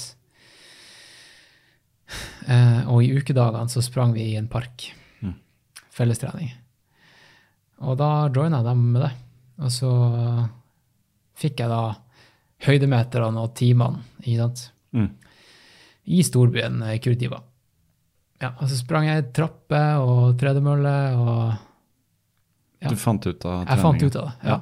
Og bare Squats og bare leste og hørte podkast og bare gikk i en sånn her eh, Det var Ja. Det var Ja. Det er sånn manisk opplegg, ikke sant? Sunn, sunn mani. Mm. Ja. Men du er en sånn, du går inn i det. Det virker som du går inn Ja. i ting når du går inn i Jeg det. går inn i det. du, det- du går inn for å finne ut av det. ja, ja, Ja. ja. Kjenner meg igjen det. Jeg går inn for å bli ekspert, for å liksom ta eierskap. Mm. Mm. Og jeg- det fascinerer meg litt det der med å trene til å bli fjelløper når man ikke bor i fjellet. Mm. Vi bor i Oslo. Det er liksom bare knauser og kneiker. Ja. Men uh, jeg gjør det jo bra i, i skyrunning, åkke sånn. Du gjør det. Eh, Fortell litt om Det kan vi snakke om, for du har nettopp kommet tilbake fra Nå må jeg tenke et sekund. Hvor har du vært? Eh, Japan. Du har vært i Japan, Ja. faktisk. Skal vi bare Vi kan hoppe Vi- dit. vi hopper vi det. kan hoppe tilbake. Begynn å fortelle om Japan mens jeg tar av meg genseren, for her er det Ja. faen meg varmt. uh, jo, Japan, det Hvor jeg skal starte der? Jeg sprang et race i fjor som var Det var sesongavslutning, da.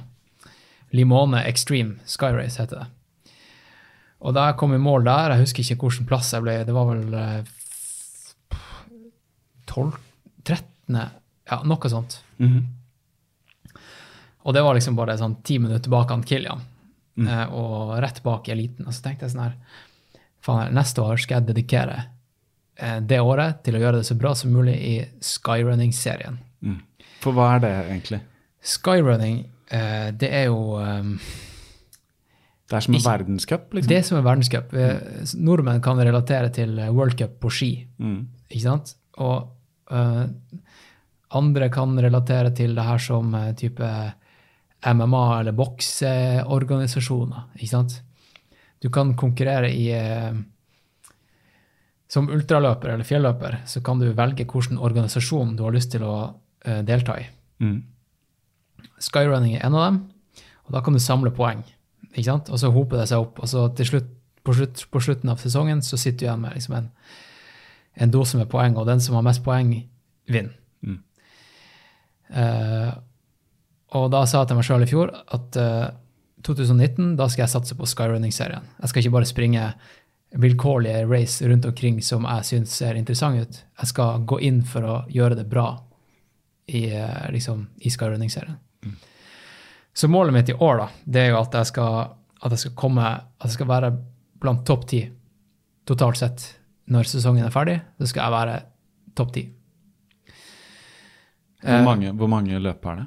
Eh, Det, det, det er mange Skyrace der ute. Mm. Eh, Men men det er, det er bare ti stykk som er en del av det World Series. Aha. Eh, og så er det fire av de racene der som er såkalte super, super Sky, som gir deg ekstra poeng. Eh, og du kan ikke bare da stille opp på kun Super Sky og liksom bare ta de, dem med masse poeng. Du har kun lov til å løpe to. Eller hvis du springer flere, så er det bare to av dem som gir deg poeng. Aha. Eh, men for å komme med i sammendraget, så tror jeg du må løpe fire Skyrace. Så da springer jeg da I år skal jeg springe to vanlige Skyrace og to Super Sky. Og det her i Japan, det var vanlig Skyrace. Og uh, Det var en sesongåpning, eller? det var sesongåpninga Ja. mi. Ja. Og da var det gått uh, halvt år siden forrige konkurranse, ikke sant. Men jeg, jeg har trent sjukt bra i vinter, liksom. Mm. Ja, jeg visste at jeg var i shape. Jeg har, jeg har nesten ikke hatt noen motgang. Jeg hadde en sånn her akilles som var litt uh, trøblete når jeg trente mot uh, det som egentlig skulle, skulle være sesongåpninga, som var Bislett 50. Mm. Og jeg springer jo ikke flatt ellers.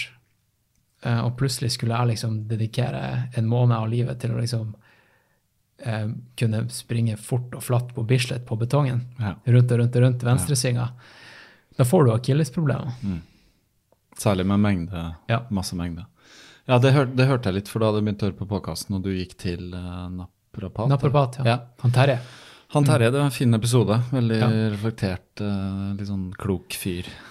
Som Ja, ser helheten i saker og ting. Han Terje, ass. Jeg, bare, jeg skal til han i morgen igjen. Ja. Jeg får uh, Jeg er ikke, jeg er ikke sponsa av han eller uh, helsefabrikken der han jobber, men uh, jeg, får, jeg får behandling av han. Hva er det han gjør? eh, Eh, klemmer og sånn, eller? ja. Nå nå har vi hatt så mange sessions at det er ikke bare en standard apropatbehandling lenger. Nå kjenner han kroppen min såpass godt at han kan uh, ta på enkelte områder og liksom bare Han, han fine-tuner meg. Ja, han sant? kjenner sånn Ok, her er det ja. Og det, skal jeg si deg, det kan du ikke få ved å gå en gang i måneden til en fysioterapeut eller en apropat. Du må bli bestevenn med vedkommende for å få en effekt av det. Ordentlig effekt. Sånn som jeg har med han Terje nå, da. Og ja, sessionsene med han Terje, der vi sitter der, og så Ofte så er det liksom siste session på dagen for han, da. Mm. Så kan vi sitte i timevis etterpå og prate. Prate om trening, eh, om eh, liksom eh, kosthold, ernæring, businessideer, eh, og om, eh, om liksom bare kroppen og, og anatomi og, og sånt. Psyken og Psyken, ja. Ja. Og alt om liksom hvordan man kan prestere i race. For han, han er jo Han, han eh, behandler jo andre toppidrettsutøvere. Skiskyting, mange landslagsutøvere. Langløpere på ski. Han har, han har behandla Petter Northug, f.eks. Mm. Så han kan toppidrett, rett og slett. Og eh, jeg bare jeg gleder meg til i morgen, eh, for da skal Jeg vet ikke, jeg vet, man vet aldri hva som skjer, liksom. Men det en del, altså, men det er en del fysikk inni her. Han er Ja, liksom- han knar. Ja, ja. Ja, sant? ja, ja.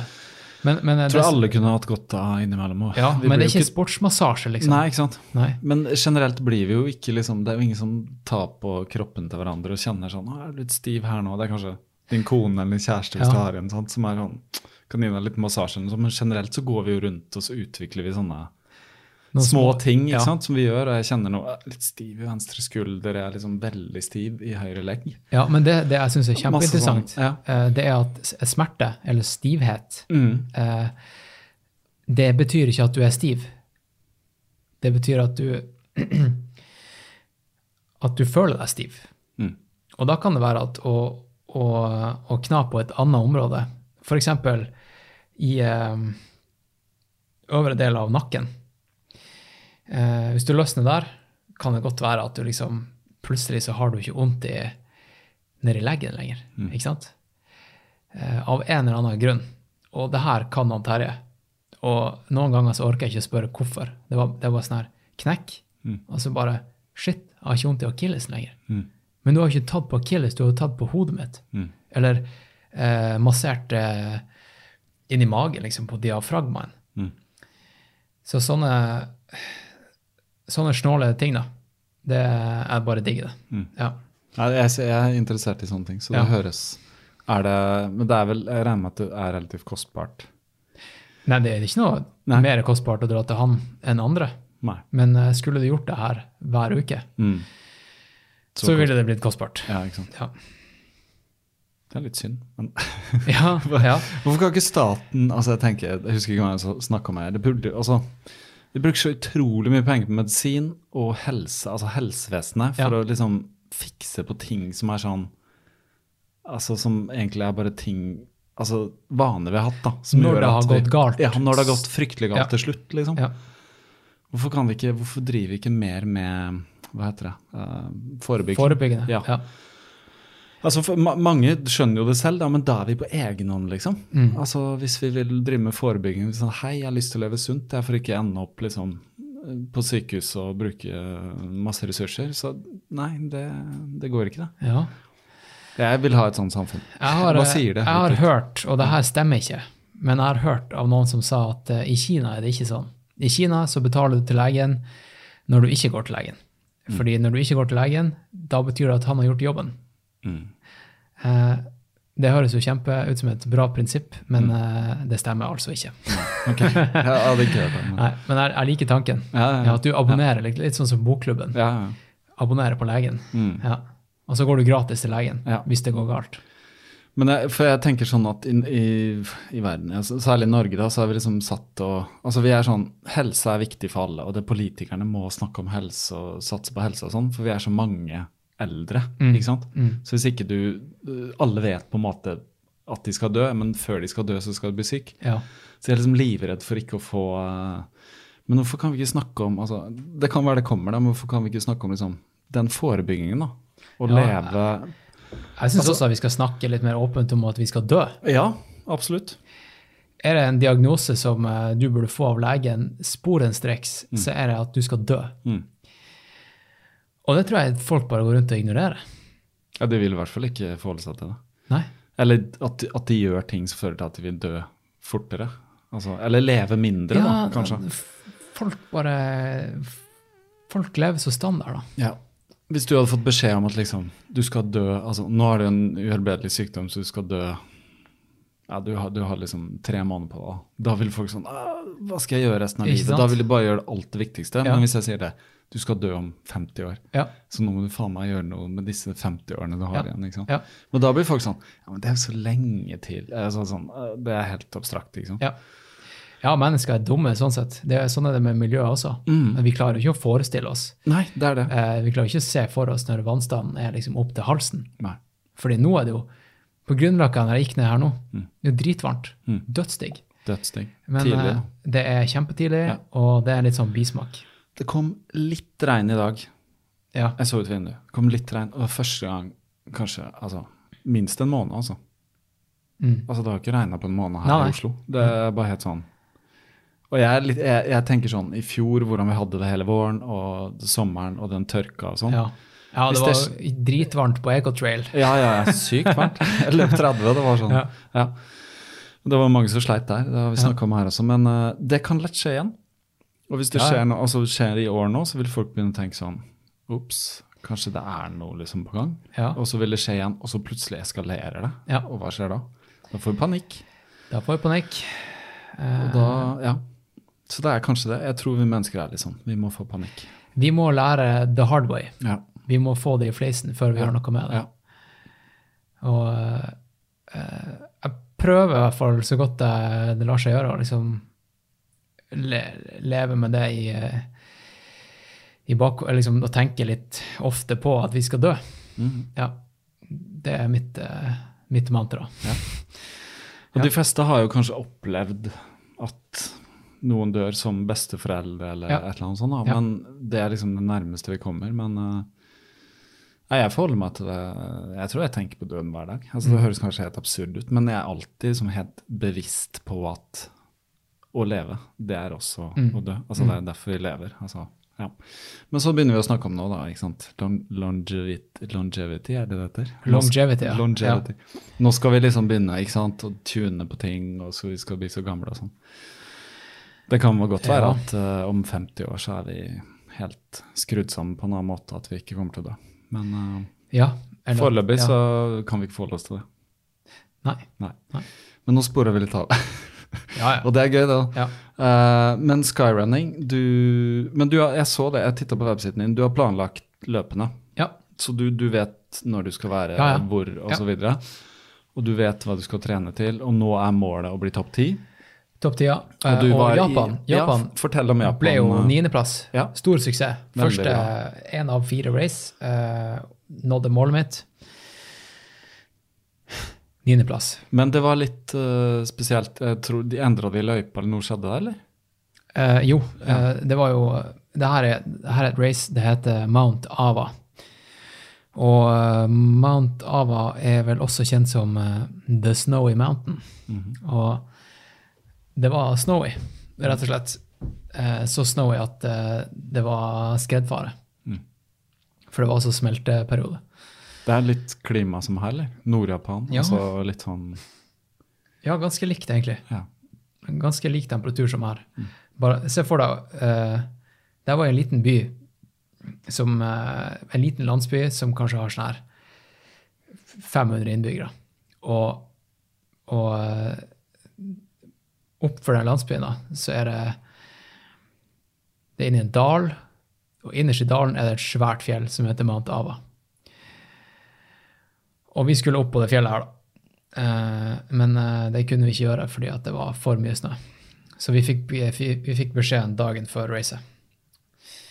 Eller to dager før. Og eh, da ble det satt en alternativ rute. En Plan B. Og den var ti kilometer kortere. Og 1000 høydemeter kortere også, eller mindre. Så det skulle være 34 km og 2500 høydemeter. I stedet ble det 23 km og eh, 1500 høydemeter. Hva tenkte du da? Hva, er det en fordel? Du må gå Nei, altså. Du må se litt på terrenget også. da. Ja. Fordi eh, da var det også sånn at uh, de første fem kilometerne de skulle være på asfalt. Mm. Ikke sant? Mm.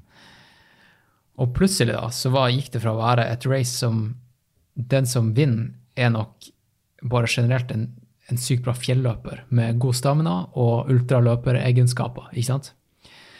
Til å være et race som kom til å bli type terskel, altså syrehelvete, i to timer. Eh, der den som uh, er rask på flata og kan stikke fra de andre i starten, og bare kan fyke opp fjellet, og altså, alt, alt kunne skje da. Mm. Så for eksempel da, hvis du er halvmaratonløper med litt sånn et, et steg for, uh, som passer seg i fjellet, da, da hadde du en stor fordel. Og det var nok det vinneren, vinneren var en japaner som, eh, som var dritrask eh, på flata ellers, da. Så Fordel for han? fordel for han. Altså de første fem kilometerne, Mm. eh, de gikk unna på 17, 17 minutter for meg. Oi, oi. Sånn, Og det, det er jo liksom et tempo som jeg sjelden trener i, da. Ja, det er veldig fort. Så da, da eh, liksom, Og da, da, da hadde vi ikke gjort unna en høydemeter. Så hadde vi 1500 høydemeter å gjøre på 18 km. Hvordan lå du unna? Et, eh, lå du an etter Eh, da lå jeg kanskje på 20.-plass. Ja. Ja. For det var mye raske folk? eller sånn? ja, men de Ja. var 50 meter foran meg ja. før vi gikk inn i bakkene. Mm. Uh, og så så ja, var det egentlig bare å gunne på. Ja. Og jeg, jeg plukka Bare plukka folk hele veien, egentlig. Så du er god oppover, da? Jeg, god jeg er medium god oppover, Mm. og så er jeg dritgod nedover. Det er viktig. Det er han Ja. ja. Kilian Jornet som Ja. du refererte til. Så jeg, jeg rett og slett Jeg vet ikke hva det er, men eh, jeg har sprunget mye i fjellet i Tromsø, ikke sant? Mm. Og så har jeg, jeg har mye muskler i beina Du Ja, fra- tåler ja. fra skøyteløpinga. Et eller annet med muskelminne. At uh, eh, Jeg vet ikke. Det kan være at, at eh, når jeg er ute og springer i fjellet, og, og det liksom river opp muskulaturen, så er det til fordel for meg da, at jeg kan eh, komme meg enklere igjen til neste økt eller til neste dag. At jeg bygger muskulatur. At jeg blir liksom Jeg tar lett på, på poundinga for beina. Mm. Jeg er jo selvfølgelig halvparten av lårstørrelsen som jeg var før, men uh, uh, jeg tror jeg har liksom Det er bra at jeg har den bakgrunnen jeg har, da. Mm. For skøyting er jo, som alle vet, altså da ligger man jo på en måte i Altså, en type- knebøy, liksom. Du, ja, da går du i knebøy, Ja. eh, og vi løfter mye knebøy Mm. med vekter. Ja, for det er, den, det er den muskelen som er viktig i skøyting. Altså det er legg og sånn. Kvadriceps, Ja. uh, hamstring, altså rumpa er jo Du, har sett det, liksom, det klassiske skøyterumpa er jo et uttrykk av en grunn. Mm. Uh, og så bare spenst generelt. Mm. Og det har du.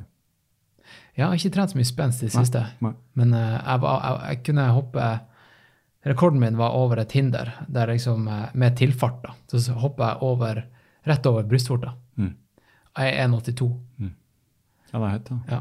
Så det er liksom Mm. Vi trente mye spenst og eksplosivitet og sånt. Mm. Så det, det sitter jo i. Ja. Så da gønna du på nedover, og da plukka du folk, og du endte opp på niende. ja. Det, ja. Ja. Og jeg, jeg tror jeg hadde den raskeste avslutninga også. Mm. Og da, da liksom Det var litt sånn uh, selvtillitsboost, da. Ja. At jeg liksom uh, lå på Jeg hadde Nest siste kilometer var på 3.07 Oi. Uh, etter å ha liksom virkelig harva beina, ikke sant. Mm. Uh, men det, det at du kan liksom ha et løpesteg som er ganske effektivt, da, Mm. eh, på slitne bein, det er jo en egenskap som er gull verd for en ultraløper. ultraløper. Hvordan får man det? Hvis vi har noen sånne quick uh... Du må jo trene mye på det, da. ja. Rett og slett trene på slitne bein. mm. Løpe fort på slitne bein. Ja, og det er jo noe av det som er forskjellig fra ultraløptrening kontra maratontrening, Mm. er jo at liksom, treningsmengden er jo ikke så annerledes for en ultraløper. Eh, altså totalmengden. Eh, men det er på en måte måten man bygger det opp på. da. Mm. Eksempel det at ultraløpere Det klassiske er at man kjører sånn såkalte back-to-back-økter. At du springer rett og slett to langturer eh, etter hverandre. Så- To dager, liksom? Ja, to dager på rad. Ja, ja. At dag to så springer du på slitne bein. Mm. Eh, og ja, kanskje, kanskje du har en økt som innebærer motbakkedrag, og så avslutter du liksom på, på, på flata og kjører drag der også, ikke sant? Mm, Eller har en langtur der midt i så har du liksom eh, Jeg bruker å mikse det opp med å springe opp på Linderudkollen, f.eks. Mm. Ikke sant? Og så fortsetter du turen. Så bare ha, ha Ja. Det make jo sense, for å si det sånn, um, når du Ja. skal løpe langt. Ja. Maraton er jo annerledes. Ja. Uh, det er det. Så tror jeg altså at man må liksom Siden racene er, er bygd opp sånn her, da, så tror jeg at selv om du liksom kanskje fysisk er kap kapabel til å gjennomføre et bra race på racedagen, Mm. så tror jeg det å ha gjort noen spesifikke økter som er litt sånn monsteraktig At du har liksom selvtilliten i bunnen da, om at yes, du klarer det. Du klarer å springe eh, jeg vet ikke, 40 km med liksom masse høydemeter. Du har gjort det før, ikke sant? Mm.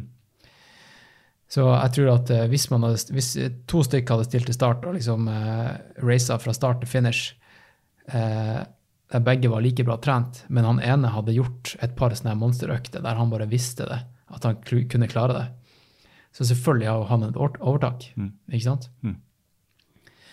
Så jeg prøver å liksom å gjøre en del av de her tingene, da, Mm. som er veldig sånn race-spesifikke. Så før, uh, Før Japan-turen da, så studerte jeg uh, kartet og løypa og høydemeterprofilen ganske sånn altså, Jeg kunne den inn og ut. ikke sant? Uh, og det er ikke ofte at det er et skyrace som er såpass kort heller, at du faktisk kan trene på distansen i trening. Fordi sånn som neste racet mitt, da, som er Transvulkania, det er 75 km. Det er noe helt annet. Jeg kan ikke bare gjøre det på en lørdag. Da, da kan du ikke springe på et par dager. ikke sant? Jeg kan i hvert fall ikke replikere høydemeterprofilen. Så, men det kunne jeg i hvert fall for Japan. da. Så jeg sprang, jeg sprang eh, Grefsenkollen 13 ganger. Da hadde jeg like mange høydemeter som racet skulle være, og like langt. Opp, opp og ned. Ja. Hvor langt ned løp du da? Eh, Jeg starta hjemme, jeg bor på Disen. Ja.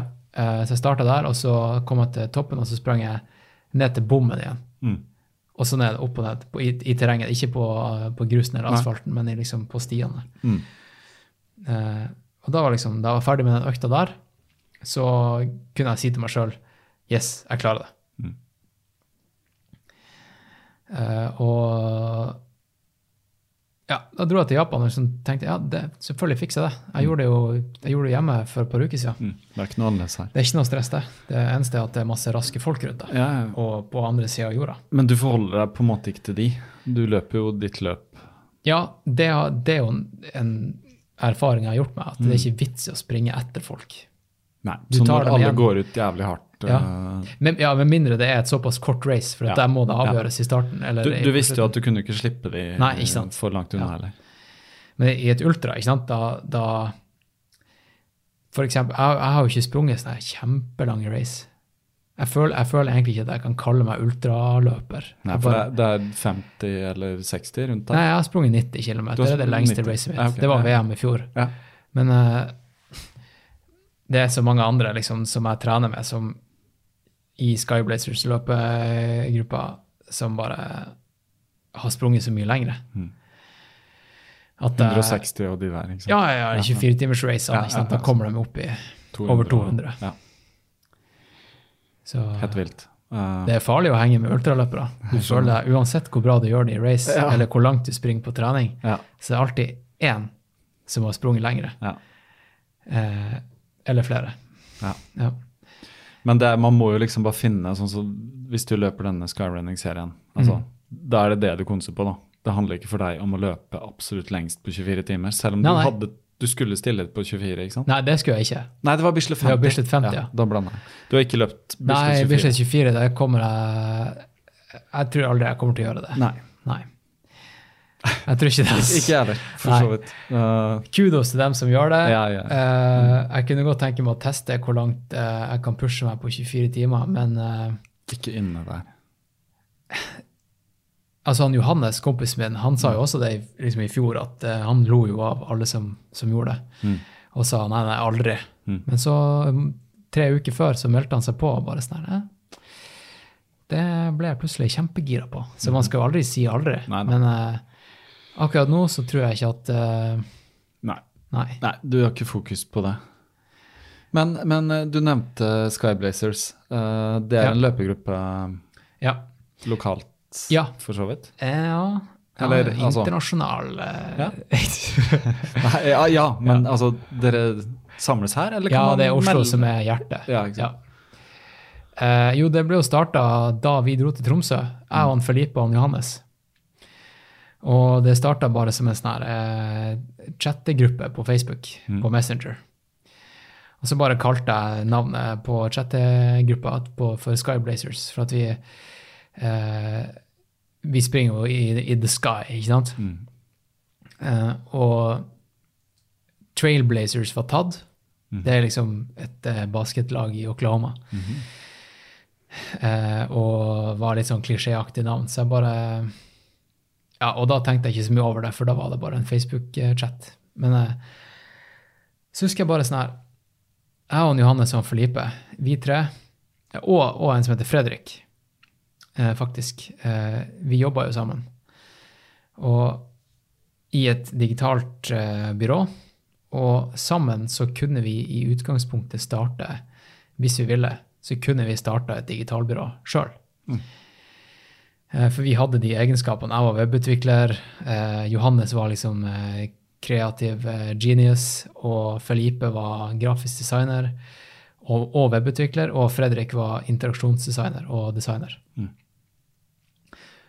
Så hvis vi ville, da, så kunne vi lage et løpecrew som til omverdenen eh, virka som at det var superproft. ikke sant? For vi hadde liksom markedsføringsegenskapene i denne gruppa. og jeg vi kunne lage nettside, vi kunne brande oss som liksom super pros. Du sitter jo her med T-skjorte. Så nå sitter jeg her med liksom eh, fullt branda. ikke sant? ja. Og nå har mange hørt om det. Ja, eh, men, men det var ikke meningen at vi skulle liksom ta verden med storm og late Nei. som at vi var så sykt gode. Mm. Men det er noe sånn her identitet, da.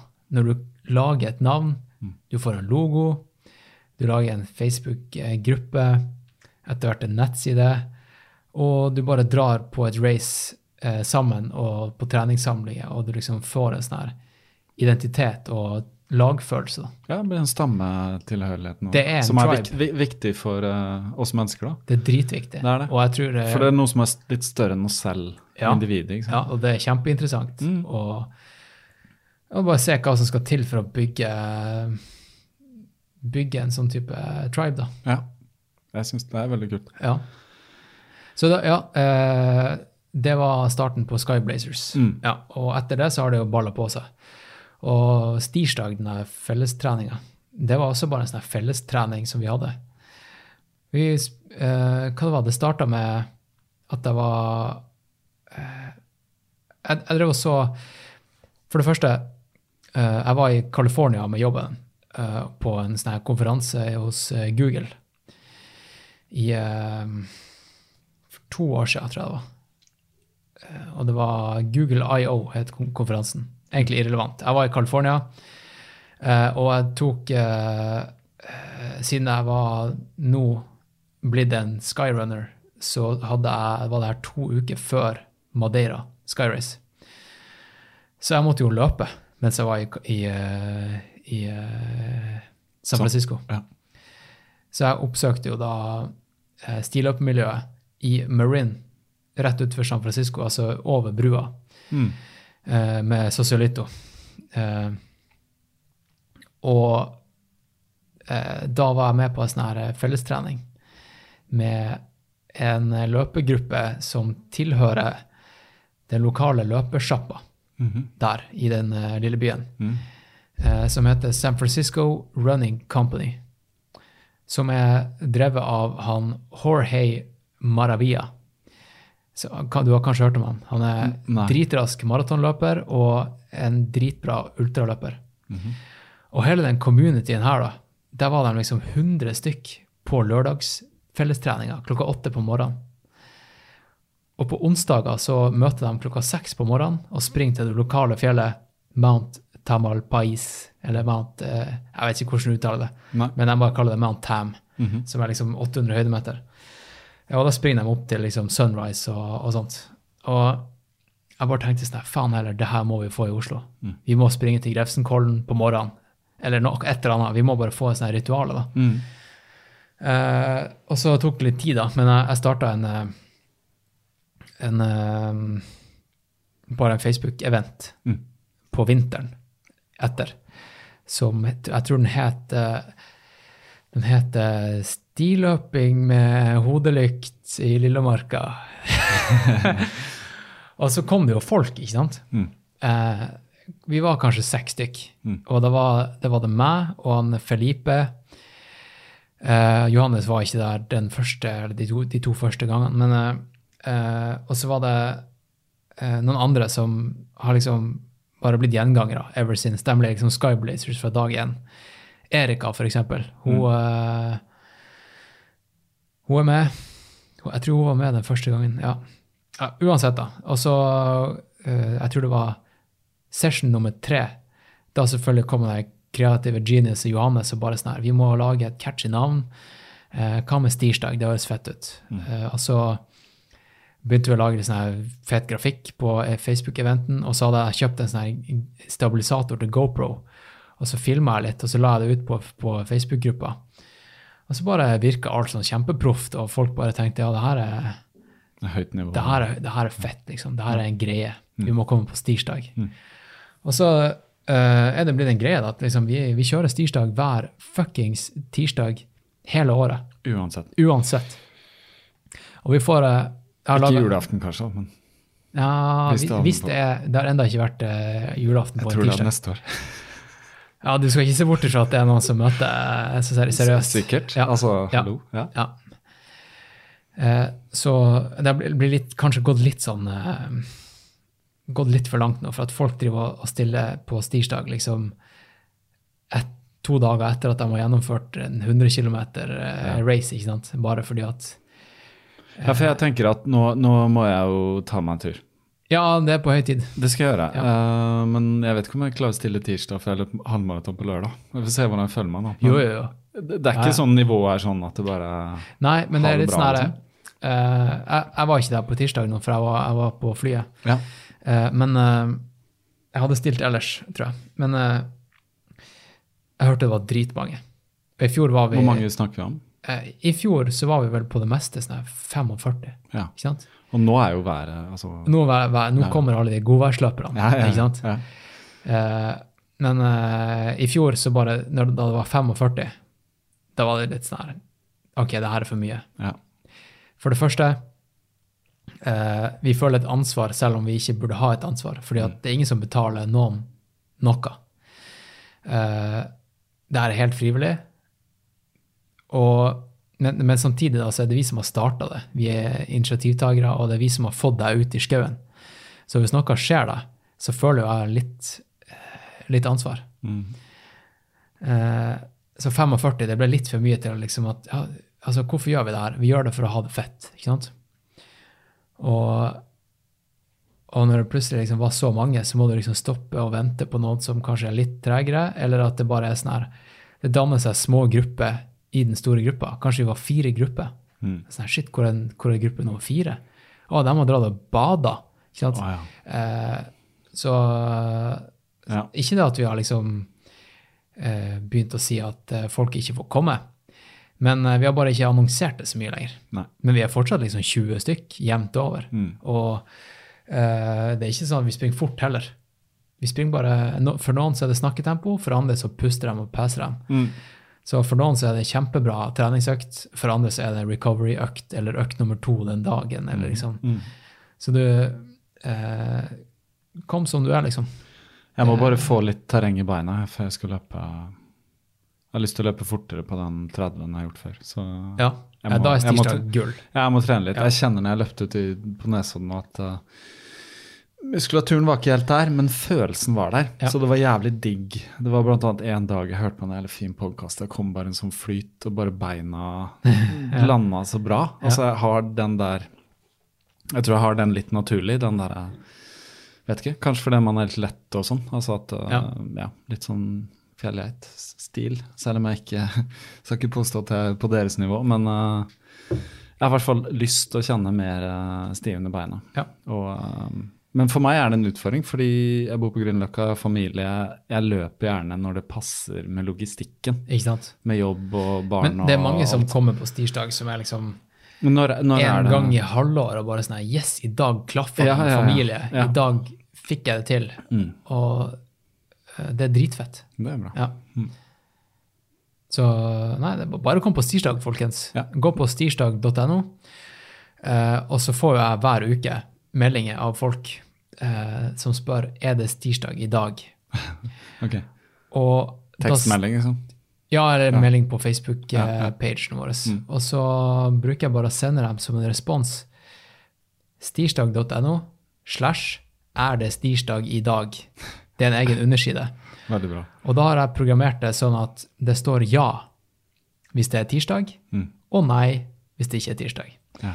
Eh, noen syns kanskje at den responsen er frekk, men jeg syns det er artig å liksom bare ha en, Så hvis ha du, går, dedikert. hvis du går inn på linken Ja. på en mandag, Ja, så er det nei. da er det nei. Det er veldig Eh, og så er det også sånn, det er også en underside der som heter eh, vær og utstyr. Mm. Og siden jeg da har i min tidligere karriere, eh, som var webutvikler, jeg har jobba for eh, Yr i NRK, Ah. så jeg kan Yr-språket og det såkalte API-et. Jeg vet hvordan jeg skal koble meg opp på Yr sin værdata. Så en liten tabell der som eh, sier hva du skal ha på deg i dag, basert på været. Så da henter jeg værdata ut fra Lillomarka den tirsdagen. Så hvis du går inn på stirsdag.no i dag, i dag er det torsdag, Ja. så ser den på værmeldinga til neste tirsdag, og så sier den du burde ha på deg shorts Uh, og ja, er no-brainer. Uh, jeg husker noe, Regnjakke, ikke sant? Sånn her type, type ting. da.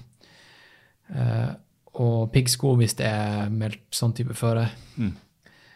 Eh, og enkelte ting tror jeg at jeg har hardprogrammert, som det heter, som ikke baserer seg på værdata. Det er liksom split shorts.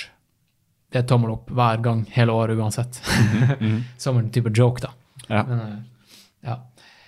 Men jeg så det var en greie med splitshorts. Han eh, Patrick Stangby, som jeg Ja. følger, han har alltid splitshorts. Jeg tror jeg har en ja, sånn Patrick, han eh, Ja. Ja. Han kjører split. Kjører split det shorts. det er men det er jo en greie også, tror jeg, med Sky Blazers, er at vi prøver å liksom pushe grensen for når, når du kan bruke split shorts. Ja. Det er litt annen eh, motekultur i ultra-fjelløperverden enn Ja. det er i maraton. ja, det er det. Jeg føler meg uansett ikke en del av den motkulturen som er uh, den gjengse løper. Altså, jeg har løpt, eh, sagt her, jeg har løpt i shorts siden februar. Ja. Og det er litt sånn utfordring også, bare det, Du må ikke ha det så varmt hele tiden. ja. Men jeg blir generelt ekstremt varm når jeg løper, da. Jeg koker, okay. liksom. Jeg er kjempekald. Ja, jeg må ha Ja. Så jeg kan løpe liksom Jeg løp, jeg løp her for noen uker siden ut i shorts og T-skjorte, og så var det Jeg hadde sett det var plussgrader, så tenkte jeg jeg syntes åtte pluss var jævlig kald vind. Mm. Så møtte jeg han Magnus Toru, skulle løpe en tur med han. Han kom liksom med jakke og lue og vanter og alt. Ikke sant? Så når vi kom på bygda, var jeg helt nummen oppover hele Men jeg frøs ikke, og var, det var ikke vondt eller noe sånt. Det var Nei. bare sånn Men jeg blir utrolig varm på kjernen da. Men, Ja, det, det du kan passe på, da, er å, å prøve å kanskje varme opp leddene. ja. Fordi f.eks. knær Knær kan, selv om du springer, selv om du føler deg varm, ja. eh, så er kanskje leddene og senene kalde. ja. Jeg har kjent det på knærne noen ganger. at, Ja, da, eh, da blir du skada. ja, ja, Akilles, f.eks. ja. Den er ofte utsatt på vinteren, ja, ikke sant. eh, så du skal ikke kødde med Nei. det. Så det, det, er, det er ikke bare mote. Det lønner seg noen ganger å ha Å holde ting varmt. Ja, I hvert fall for vinden. altså. han eh, Patrick han vant jo den her eh, David Laney-prisen, som vi kaller det. Mhm. Og det er liksom den første som springer med shorts på stirsdag, Mhm. Og den siste som gjør det på høsten. Ja. Det vil si at det er den som pusher grensa Mm. lengst. David Laney er en ultraløper som er, han, han er jo kjent for å være en flink ultraløper. Mm. Uh, men uh, på Instagram så legger han ut veldig mye bilder av seg sjøl i bar overkropp uh, og split shorts, og helst med snø i bakgrunnen. Ja. Så ja, derfor kalte vi det David Laney-prisen. ja, ikke sant. Ja. Ja, jeg skjønner. Jeg har en kompis i Bergen, Stig, som eh, har vært der, og han, er også, han kler seg også veldig lite. Men vi, Ja. han og jeg har sett selvfølgelig, vi har sett på videoer av Wim Hof. Ja, ja. Wim Hof, ja. Ja, ja. Men jeg er, når det kommer til å dusje kaldt, så er jeg en megapyse. ja. Altså, jeg får meg faen ikke til å gjøre det, altså. Jeg har, jeg har kjørt beina, det har jeg. Ja. I fjor gjorde jeg det mye. ja. Du, jeg, jeg, Men jeg klarer ikke den, eh, jeg klarer ikke den kulda i dusjen, jeg, altså. jeg gikk sånn eh, Jeg oppdaga Wim Hof-opplegget for eh, Ja, da jeg bodde i Brasil. Noen år Eh, siden, liksom. Noen år siden. Ja. Eh, og da begynte jeg med kalde dusjer. Og gjort det helt til nå rundt eh, nyttår. Mm. Så slutta jeg. Det var dritbra helt til da, men så tenkte jeg faen heller, jeg starter hver dag med sånn her sjokk. Selv om liksom sånn LA-folk og Wim Hof og andre sier at det er bra for deg, Mm. så fant jeg ut at eh, det er kanskje ikke det beste å bli superstressa og gå i en sånn survival mode hver eneste morgen. Da er det heller faktisk bedre å ta, ta seg en kaffe og liksom chille. Ja, jeg liker det. Ja. Jeg liker det. Jeg står heller opp litt tidligere, bare for å lage kaffe. ja. Og sitte alene tidlig om morgenen og drikke kaffe og gjerne lese litt i en bok eh, før resten av familien våkner. Fordi det er liksom den tiden jeg har for meg selv. ja. Og jeg går ikke inn i en kalddusj da. Sånn som i vinter så fyrte jeg peisen, altså ingen varme på. Så det var kaldt da i stua om morgenen, Ja. men fyrte den peisen. Altså ikke peis, men en sånn, du vet, en sånn støpejern. Et Sånn. ildsted. Ja, støpejern som sånn Ja. ordentlig, som står i hjørnet i stua i en sånn Grünerløkka-leilighet. Så det blir jo åh, gud, så deilig. ikke sant? Ja. Det er bare den der, altså Kaffen og litt dadler og bare mm. Nice. Det liker jeg. Ja. Det er jo noe primalt, det også. Å fyre. Oh, altså ild. Ja. Eh, det trigger noe i meg. Ja, Jeg kan sitte og liksom trykke på en lighter i timevis. Mm. Bare se på ilden.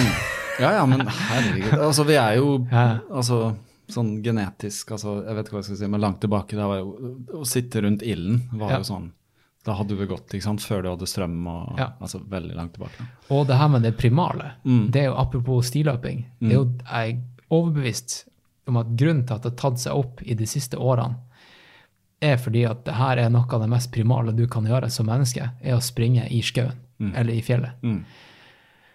Og vi, er, altså, vi sitter jo foran dataskjermen åtte timer om dagen, minst. Mm. Sitter på Facebook og scroller på en eller annen bullshit feed. Mm.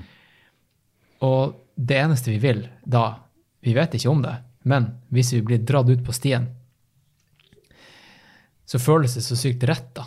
Det er liksom bare sånn her ja, Det er vanskelig å forklare det, men jeg skjønner Nei, men at det er det er mange primalt, som stiller på stirsdag. Ja, ja, At det er en sånn motkultur. ja.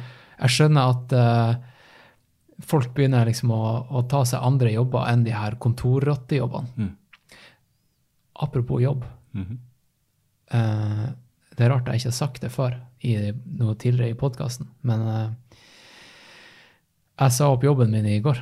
Oi, gratulerer. Takk.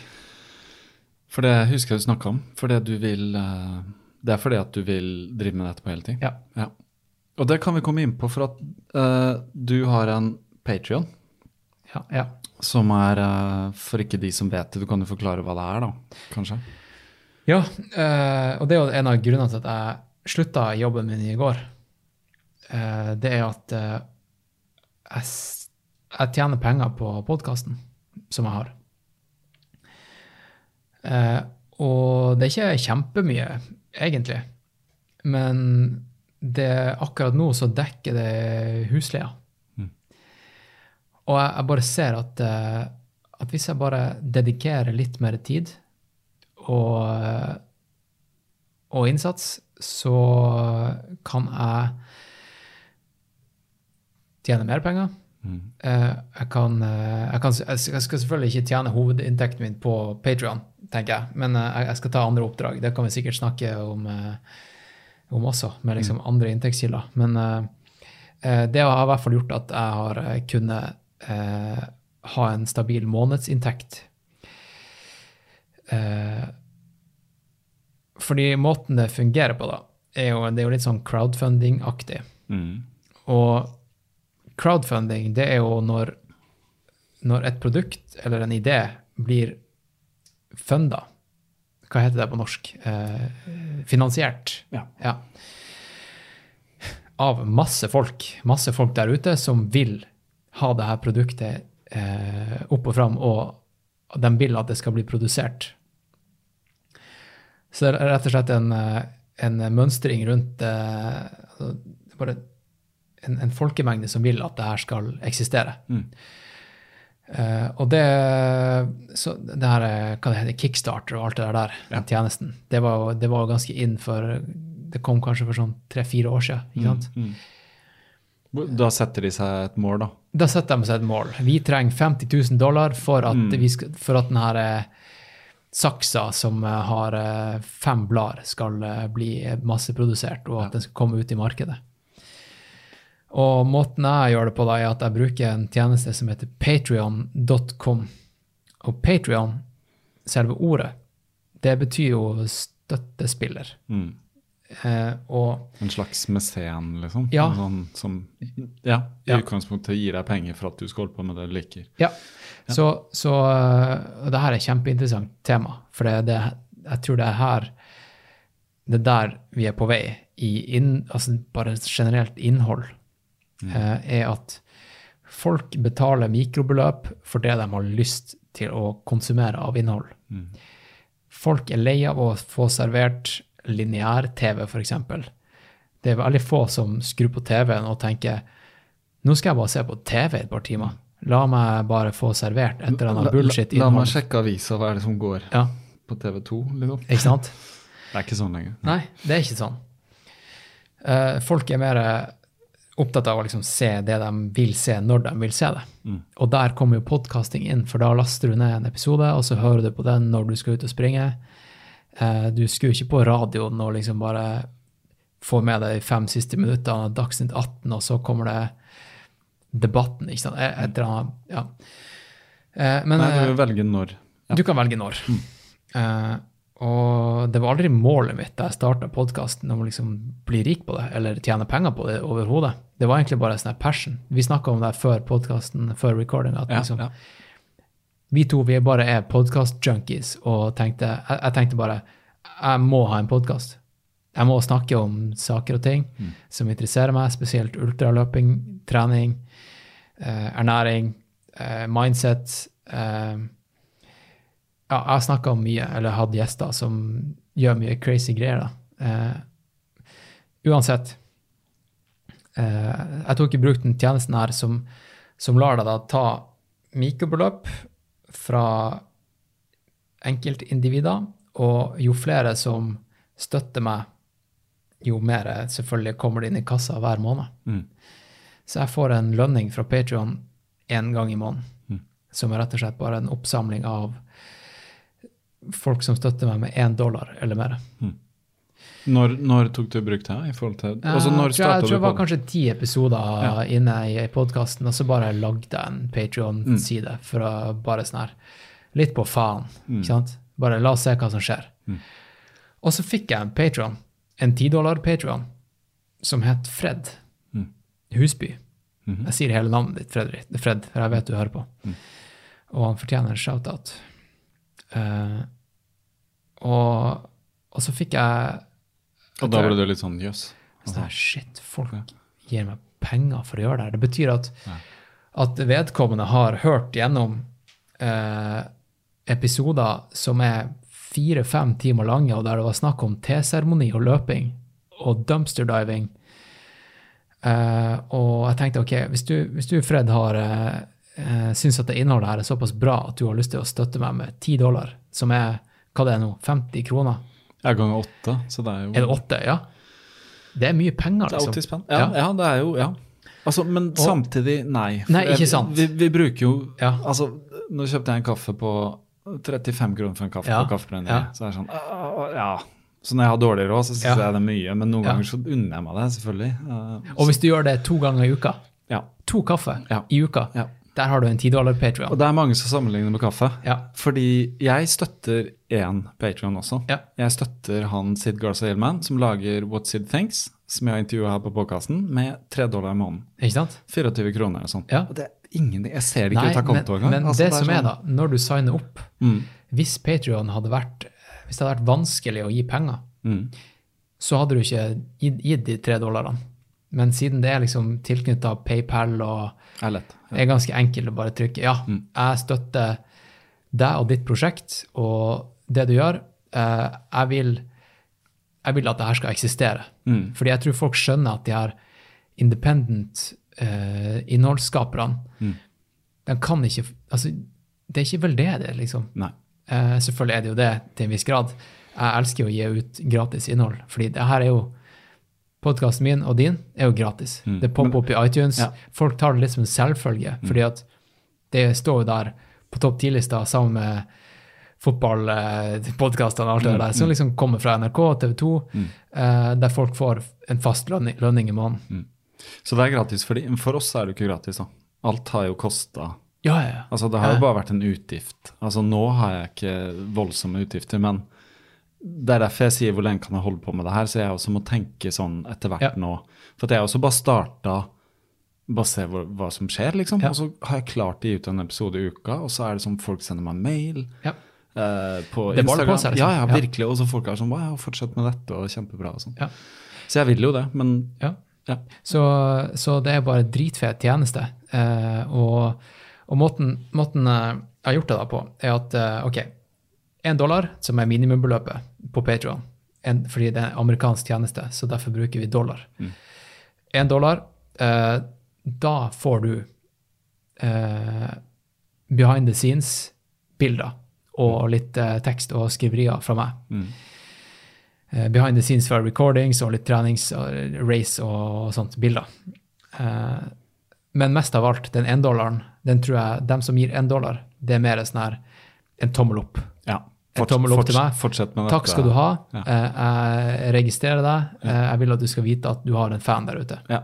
Og de hører på deg hver uke. De hører på meg hver uke. ikke sant? Ja. Eh, og så har du neste steg, som er 10 dollar. Som jeg valgte, valgte å kalle for mest bang for the buck. Og der får du sykt mye. Du får Nå, nå høres det ut som en salgspitch, Ja, men, men, men, men jeg, jeg skriver oppskrifter, eh, legge ut bilder fra race. Altså du, selvfølgelig får du det som én dollar Patrions får. Mm. Eh, men du får ekstra podcast, podkaster. Mm. Helt raw, uncut intervjuer. Mm. Eh, eksempel eh, eh, recordings som jeg gjør etter at podkasten er ferdig. Sånn som meg og deg nå. Mhm. Den beste praten kommer jo etter, etter at vi er ferdige å snakke her nå. Ja, Det er liksom sånn ofte, her, ofte apropos det du sa? Ja, og så sitter man en time og prater. Ja. Jeg har latt mikrofonen gå Mhm. eh, etter podkasten og bare gitt ut det som en egen podkast til mine patrions. Mhm. Det tror jeg er ganske uvanlig, faktisk. Ja. Eh, men jeg har bare registrert at praten ofte, selv om den er kanskje bra under podkasten, så starter den egentlig etterpå. Mm. Og det, det- og det du gjør, er at du spiller inn hjemme hos deg. Så det er ikke noe sånn Nei, men jeg, jeg er spilte jo inn i Japan også nå, Ja, og da fikk Og du eh, er mine- mye ute med mine- opptakeren din. Ja, mine patrons fikk eh, intervju med race director uh, Hiroaki Mitsunaga Mm. dagen jeg intervjua han. Mm. Men det, det er jo noe det er ei uke siden. Mm. Og den, den eh, kommer jo litt klippa og, og filtrert på morgendagens episode. Mm. Den er bra, den også. Mm. Eh, og det er jo liksom bare det beste fra det intervjuet. Men det er masse dritbra som ikke kom med, Mm. som mine patrons har fått. Mm. Uh, så Hvordan får de hørt uh, du hører det på, for at det, du vet, For det som, du via. det, er som en, det som en bloggplattform, Mhm. bare bak en lukka betalingsmur. -hmm. Så når jeg poster et, eh, en, eh, en lydfil, så laster jeg opp en MP3-fil -hmm. uh, og skriver en tekst. Mm. Og poster litt bilder med den også. Det blir som et avansert blogginnlegg. Ja. Men du kan også, du får en RSS-link til Patrion-podkasten. Mhm. Eh, Så du kan også få den her opp i iTunes-feeden din, Mhm. som er en unik link for deg som Patrion. Mm. Så du slipper å gå inn på patrion.com. Du kan få den rett i iTunes. Ja, det var det jeg tenkte på. Ja. Det er genialt. Eh, Så det er også ganske nice. Ja, ja. Og så har har jeg det som er eh, noe av det jeg håper å, å leve av primært da, fremover. Det er å trene andre. Og foreløpig så har jeg tatt betalt via Patrion, eh, rett og slett. Eh, så hvis folk syns at det er et veldig stort beløp jeg tjener, for det er helt offentlig hva jeg tjener på Patrion Jeg, jeg var inne og så, det var, jeg ble overraska over at det Ja. var eh, Jeg husker ikke, men det var en 300 dollar eller et eller annet sånt sist gang jeg så. Nei, det er 1400. 1400 dollar? ja. Ja, da har det steget sikkert. Og jeg, jeg, trener, jeg trener mennesker nå. Ja. Uh, og nå hørtes det ut som at jeg har trent roboter før, men jeg trener folk eh, med alle typer ambisjoner. Mm. Eh, men eh, jeg tar betalt via Patreon, og da er selvfølgelig neste den ultrapakka, mm eh, som jeg kaller det. Da, den koster 200 dollar. Mm. Og derfor så blir det beløpet ganske stort, da, Ja. Som, liksom, som står på patreon.com. Men men det gjør jo ikke noe, det. Altså, det er jo like greit å ta det via der, er det ikke det? Jeg tenker det, Ja. det de har en betalingsløsning. Ja, Eh, Patreon tar 5 Ja. Uh, Men det er litt sånn her, det er litt sånn som uh, Apple-produkter versus alt annet. Mm. Du kjøper det fordi at det er så sykt convenient. Ja. Ikke sant? Ja. Jeg, jeg, jeg gir dem gjerne 5 bare fordi at dere har ordna hele plattformen for meg. Mm. Hvis du skal ha Patreon-konto nå, så burde du hurry up, fordi at de øker den prosenten Oi. i mai. Eh, men ikke for vi som starta tidlig. Jeg har uh, signa inn, men jeg har liksom ikke satt den opp. Ja, OK. Fort deg. Ja. Det lar seg sette opp. Jeg tror den går opp til 8% eller noe Ah, ok, sånt. ok. Ja. Ja. Men eh, eh, Wow, ja, det haster. Det er sånn jeg har tenkt å se på, men pga. mangel av tid så har jeg liksom ikke. Ja. Og så har jeg tenkt selvfølgelig, hva, hva skal jeg gi de? Altså, hva skal man gi? Liksom? Ikke sant? For at folk de vil ikke bare gi deg penger. Nei. Sånn fungerer ikke samfunnet. De vil ha noe tilbake. Ja. Akkurat som sponsorer. Mm. De bare, det er ikke sånn at du kan stille i et race og bare springe fort, og så får du masse sponsorer. Du må gi noe tilbake. Og det er liksom Ja, du, du gir meg ti dollar, jeg gir deg masse innhold som du har lyst på. Mm. Uh, og da er det en ganske fair transaksjon, tenker jeg. Mm. Så eh, Jeg tror den jeg signa på den tredollaren til han, da er det bare et sånn det er et sånn webinar innimellom, da. Live Q&A. Ikke sant? Ja. Men egentlig så gir jeg de tre fordi at jeg syns han er kul, og det er Ja. kult han har på meg. Og Ja. når jeg var hos han, så var han sånn Å, han ga meg et stativ til mikken, og han ga Ja. meg en kopp, han ga meg Han ville gi meg en T-skjorte, men han, ikke, han var veldig sånn sjenerøs, da. Ja. Så da tenkte jeg kult. Han Ja. ja, altså det- Så jeg det- gjør det egentlig bare for at han skal holde på med podkasten sin. Så det er litt sånn, jeg støtter ja. Mm. et par andre på Patron. Jeg støtter han eh, Duncan Trussell. Vet du hvem det er? Standup-komiker. Han har en, en podkast som heter The Duncan Trussell Family Hour, som bare er eh, Ja, den må folk sjekke ut. Moro. Det er, Duncan det er ikke sånn at du sitter og flirer deg i hjel. Han bare har morsomme samtaler med folk. Ja. Uh, og han er sånn her um, de første, altså Introen hans er det Mm. mest underholdende hvis du kan tenke deg. Mhm. Han sitter og improviserer. Mm. Altså Han snakker svada. Eh, med, han sitter med en eller annen synt, synthesizer i bakgrunnen og bare improviserer. Det er bullshit. Man kan det. Eller Han er god- kjempeflink. Han er god på det. Kjempeflink. Ja. Uh, og de her reklamene som han har, som er sånn her typisk uh, Jeg vet ikke, sånn her Casper Mattress og Hva heter det underbuksefirmaet som driver og sponser alle? Um, ja, nå er det også sånn Nei, ikke p-piller, men eh, sånn eh, Viagra-opplegg. ikke sant? Oh, ja. Og eh, standup-komikere de har jo funnet ut at det, det funker ikke bare å lese opp reklameteksten. Mm. De uh, gjør noe morsomt rundt det. Mm. Uh, så de uh, For eksempel av de her såkalte dick pills. Da gjør de jo narr av folk som eh, ikke får, får den opp. Mm. Sånn her, det er en kjempeartig måte å, å drive reklame på, Mm. syns jeg. da, For at de bare slakter reklameteksten som de fikk tilsendt, og fikk streng beskjed om at du skal lese opp vår tekst, Mhm. og så bare driter de i det. Så gjør de det Så helt eh, det er morsomt å høre på standup-komikere. Ja, ja. Deres approach. Ja. Ja, det er jo en del uh, store podkaster som har uh, reklame. ikke sant? Tim Ferris og Joe Rogan og Rich Ja. Roll og sånn. De tar det bare med én gang.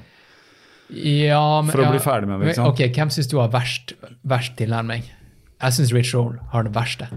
Fordi han baker inn introen til podkasten Med så kynisk med reklame. Mm. Altså, Du får ikke introduksjonen av dagens gjest hvis ikke du hører eh, hans liksom sånn her Ja, han baker det inn. Ja. Sånn her, Ja. Men du merker at han syns det er uh, at det er kleint, ja. ja, han, han. Du merker at han syns det er litt kleint. Det er en sånn klein del av greia, men han bare Let's get it. Ja. Let's talk business. Han sier et eller annet sånt, da, så jeg aksepterer det. Men når jeg er ute og løper, så skal jeg gjerne bare hoppe av selvfølgelig de 30 Det er derfor Over det. Jeg, jeg bruker en podkast-app som heter øh, Jeg tror den heter Overcast, Aha. eller noe sånt. Ja. Og der er det litt sånn eh, at du kan kommentere. Det er kommentarer, kommentarer, eh, litt sånn under YouTube. Mm -hmm. uh, og på Joe Rogan-podkasten så er det mange, mange som bare skriver et sånn timestamp på uh, når er reklamene over. Aha. Så da bare trykker du på timestampet, og så bare hopper den rett til podkasten. Ja. Men du må Så- trykke på noe. For at hvis jeg løper, så har jeg sånn belte, så telefonen Ja, ja, baki der, så jeg har ikke tilgang på Ja. den. ja, men da bare spol over de første fem minuttene. Så vet kan du liksom kan at da. Jeg kan starte. Ja. Men noen ganger så eh, Det er vel sånn at man bare aksepterer det. Eh. Men jeg skjønner jo at de må ha det, fordi de lever jo virkelig av det. Og, ja. Ja, og, og det er jo sånn jeg også håper at jeg Mm. kan leve av podkasten også. Det er jo at uh, jeg, jeg skjønner jo det at det er ikke nok ultraløpere uh, som hører på podkast der ute, som har lyst til å uh, gi mikrobeløp, og at de mikrobeløpene kan gi meg en vanlig norsk lønn. Det jeg skjønner jo at det, det går ikke. Det er såpass snevert. Mm. Så på en eller annen måte må man jo få inntekt på. Du har- du har hatt- Du har hatt litt sponsorer, så vidt jeg har forstått. Ingen penger, Nei. okay. bare produkter. Du har fått produkt. Ja. Ja. Men Og- det er jo greit for ting du skulle kjøpt uansett. Ting jeg trenger. Magnesium og Ja, ja. ja, ja, ja. Og, og det er artig det her. Morgendagens episode den er ikke sponsa av noe, men jeg valgte å gi en stor shout-out til min personlige løpespon... eh, De er ikke sponsor engang. De bare eh, Jeg ville ha produktet deres. Mm. De syntes at jeg var en interessant såkalt profil, eh, og ville hjelpe meg med produktet deres. Så jeg fikk en sånn her enhet fra ja, De heter Compex. De lager sånn her EMS, elektromuskelstimulatoropplegg. Mm -hmm. Vet du hva det er? Du vet sånn her eh, du vet På 90-tallet så var det masse TV-shop-reklamer der folk bare satt på sofaen og så fikk de sixpack, for de hadde sånne her, eh, elektroder på, på magen som bare pulserte. Ok. Eh, Dette er på en måte de elektrodene, da. men de blir brukt av fysioterapeuter og i profesjonell idrettssammenheng. Eh, med tanke på recovery etter økter og etter eh, race. Eh, og også for folk som er tvunget til å være stille, sitt, eller ikke kan trene fordi de er skada. Så kan du bruke det her for å liksom, eh, aktivere muskulatur og ikke miste muskelmasse. Mhm. Så jeg hadde bare lyst på en sånn her enhet. Så ringte jeg dem og sa det sånn at eh, jeg er, har en podkast. jeg kan gi dere en shout-out. Uh, og så litt oppfølgingsmail og litt sånt. Og så, så endte vi opp med å eh, at, at jeg fikk en sånn, da. Ikke sant? De krevde ikke så mye tilbake, men eh, liksom jeg har veldig lyst til å, gi shout-outs til folk med produkter som produkter jeg kan gå god for. da. For det, Det handler om det. Ja. det. Det er sånn på en måte reklamen er blitt, fordi alle de som er referert til det i podkasten også, de, du hører at det de snakker om, er, de går jo god for det personlige også. ja, Ikke sant? Selv Ja, om det noen ganger er rart med Casper Mattresses eller et Ja, eller annet ja, sånt. ja. ikke sant? Du skjønner han har fått en madrass en gang, og han syns sikkert den er bra, men ja. ja. ikke sant? Så det er sånn. Ja. Nei, jeg tror eh, for min del også har jeg skrevet noen navn på en blokk jeg, som jeg kunne tenkt meg å ha hatt. Og det er sånn fordi jeg liker Ja. de produktene, eller de tjenestene, eller hva det er. liksom. ja. Så det, det blir litt sånn at man kan sitte og Hvis jeg sitter og sier at noe er bra fordi jeg opplevde det bra, sånn, så vil jo folk høre på det og tenke at ja, da er det sikkert bra. Ja. Eller hvis du bare sier det til en kompis òg. Faen, jeg prøvde jo nye et eller annet sånn og sånn. Kjempebra. Ja, det er han veldig tilbøyelig til å kjøpe. Sånn er jo på en måte reklamen i moderne Derfor de kaller det influensere Ja. nå, ikke sant? ja. Men jeg tror influencer som konsept også, det begynner å bli ganske ut nå. Ja, Det er Jeg har ikke vært noe glad i det fra begynnelsen av. Nei, det er ingen som har vært det, men, eh, men nå er folk fed up. Ja. Ja. Særlig det jeg forbinder med det, er jo sånne unge jenter som sitter og har de bloggene sine og skal selge sånne produkter som egentlig du skjønner bare er Ja, det er bare tull. Ja, hva er det Ja. for noe, liksom?